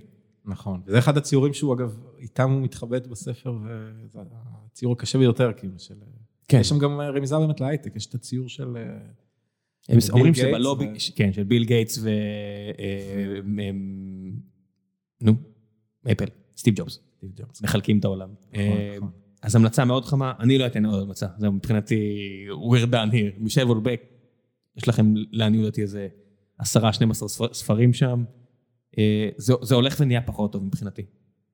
זאת אומרת, הראשונים שלו יותר טובים, אה, והאחרונים שלו כבר פחות טובים. אז אני נחשפתי כנראה ליותר מאוחרים. ו... לא, מפה וטריטוריה פנטסטי. פנטסטי. ולא רק בגלל הטריקים הספרותיים בסוף שהם... טוב שבן אדם שהוא כל כך טוב במה שהוא עושה, שכבר קצת לשעמם לו, אז הוא עושה את זה כבר מסובך רק בשביל האתגר. כן. גם בתוכנה יש כאלה. נכון. אני נכון. מעדיף לא להעסיק אותם. אני מודה, אני מודה הם ש... מבטאים את זה בלמדה אקספרשן במקום בארכיטקטורה. היה לי שותף כזה, לי ולדורון, ואני הבאתי את האנלוגיה אחרי שהוא עזב, שזה היה אה, כמו שכשהאימפריה הרומית נפלה, כן. כבר האימפריה אחרי הרפובליקה, אז אנשים באנגליה, לקח להם מאות שנים להבין איך, איך נקרא המעברי מים, האקוודוקט, אקוודוקטים של... אקוודוקטים, איך של- זה בכלל עובד.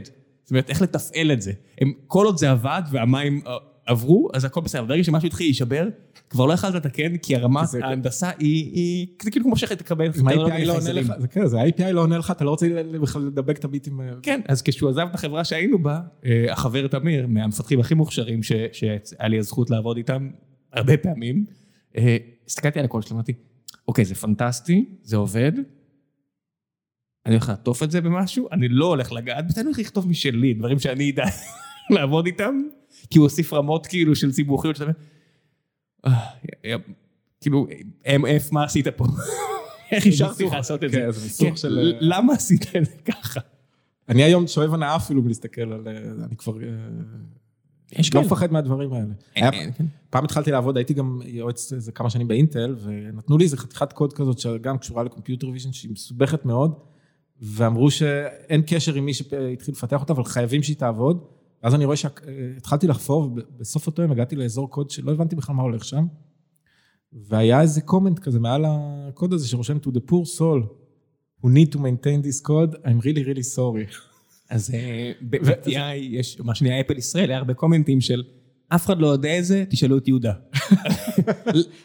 הבנתי אחרי זה שיהודה, בלי לציין שמות אה, משפחה, אחרי זה גם הקים סטארט-אפ ועשה אקזיט, אז אה, כל הכבוד ליהודה, ויש עדיין בהרבה, אולי אפילו באייפונים שאתם מחזיקים, איפשהו שם יש comment של אין לי מושג איך זה עובד, תשאלו את יהודה. ככה, קחו, קב- קבלו אה, פיסת אמת קטנה, אולי עכשיו החבר'ה מאפל מאזינים לזה והוציאו החוצה את כל הקוד של יהודה, אבל... אה, זה היה שרגא פעם, לא, זה יהודה. כן. כן, אז, אה, אז, כל מיני כאלה. כן, יש כאלה, יש את... אתה יודע מי זה טים סוויני? טים סוויני הוא ה founder של אפיק, חברה שעושה כן, את כן. המנוע של אנריל, וכולם מכירים עכשיו את פורטנייט. המנוע של אנריל זה פיסת טכנולוגיה מרהיבה, והבן אדם עדיין מקודד. כאילו, שאלתי גם עובדים שלו, אז זה לא בדיוק שהוא עדיין... הוא לא, כבר לא המקודד הכי חזק, אבל הוא, הוא, הוא איש חריף, זה בן אדם מיליארדר, כן, אין הרבה פעמים מיליארדרים שהם עדיין מקודדים, זה די אה, מוזר. נכון. ו- חוץ מלינוקס אולי, לינוס שהוא... אני לא חושב שהוא מיליארדר. אתה מבין, יש פה, יש פה אגב, דיאגרמת, יכול להיות שאתה צודק. יש פה דיאגרמת ון, שאולי זה רק אה, טים סוויני חבר בה בדיוק בין מיליארדרים, עדיין מקולדים ממש ממש ממש טובים. הוא היחידי ב- באינטרסקשן. יש סיכוי שבדיאגרמת ון הזו, באמצע, רק הוא- זה לא, רק הוא. הייתי רוצה לחשוב שיש הרבה יותר. אה, אני מניח שיש הרבה יזמים ומדענים גם, בעיקר ב- דווקא באקדמיה. אז עדי שמיר, לעניות דעתי, החברה הייתה שווה מיליארד דולר בשלב מסוים, והוא בטוח איש טכנולוג מרהיב. כן. אה, אני חושב שטים סוויני זה מקרה מיוחד משלל סיבות, אז הסתובבנו באינטל, מהמם. שהם אלה שאירחו אותו, ואז הם אלה שנתנו לנו גם את האפשרות אה, לשבת איתו קצת לשעה בשביל הדיי ג'וב שלנו, זה היה חשוב. אה, ושאלתי את החבר'ה באינטל, תגידו, כמה אנשים פה בחברה יכולים לעבוד איתו ברצינות? אה, אולי אלף בכל העולם, אתה מדבר אלף פה בחברה, כאילו, הדברים שהוא מבקש מאיתנו לעשות, או צריך שנעשה, כאילו, שמה, לסחוט את המעבדים, אני מדבר פה בחברה, אין הרבה אנשים בעולם שיודעים את כן. הדברים שהוא צריך, שהוא עושה.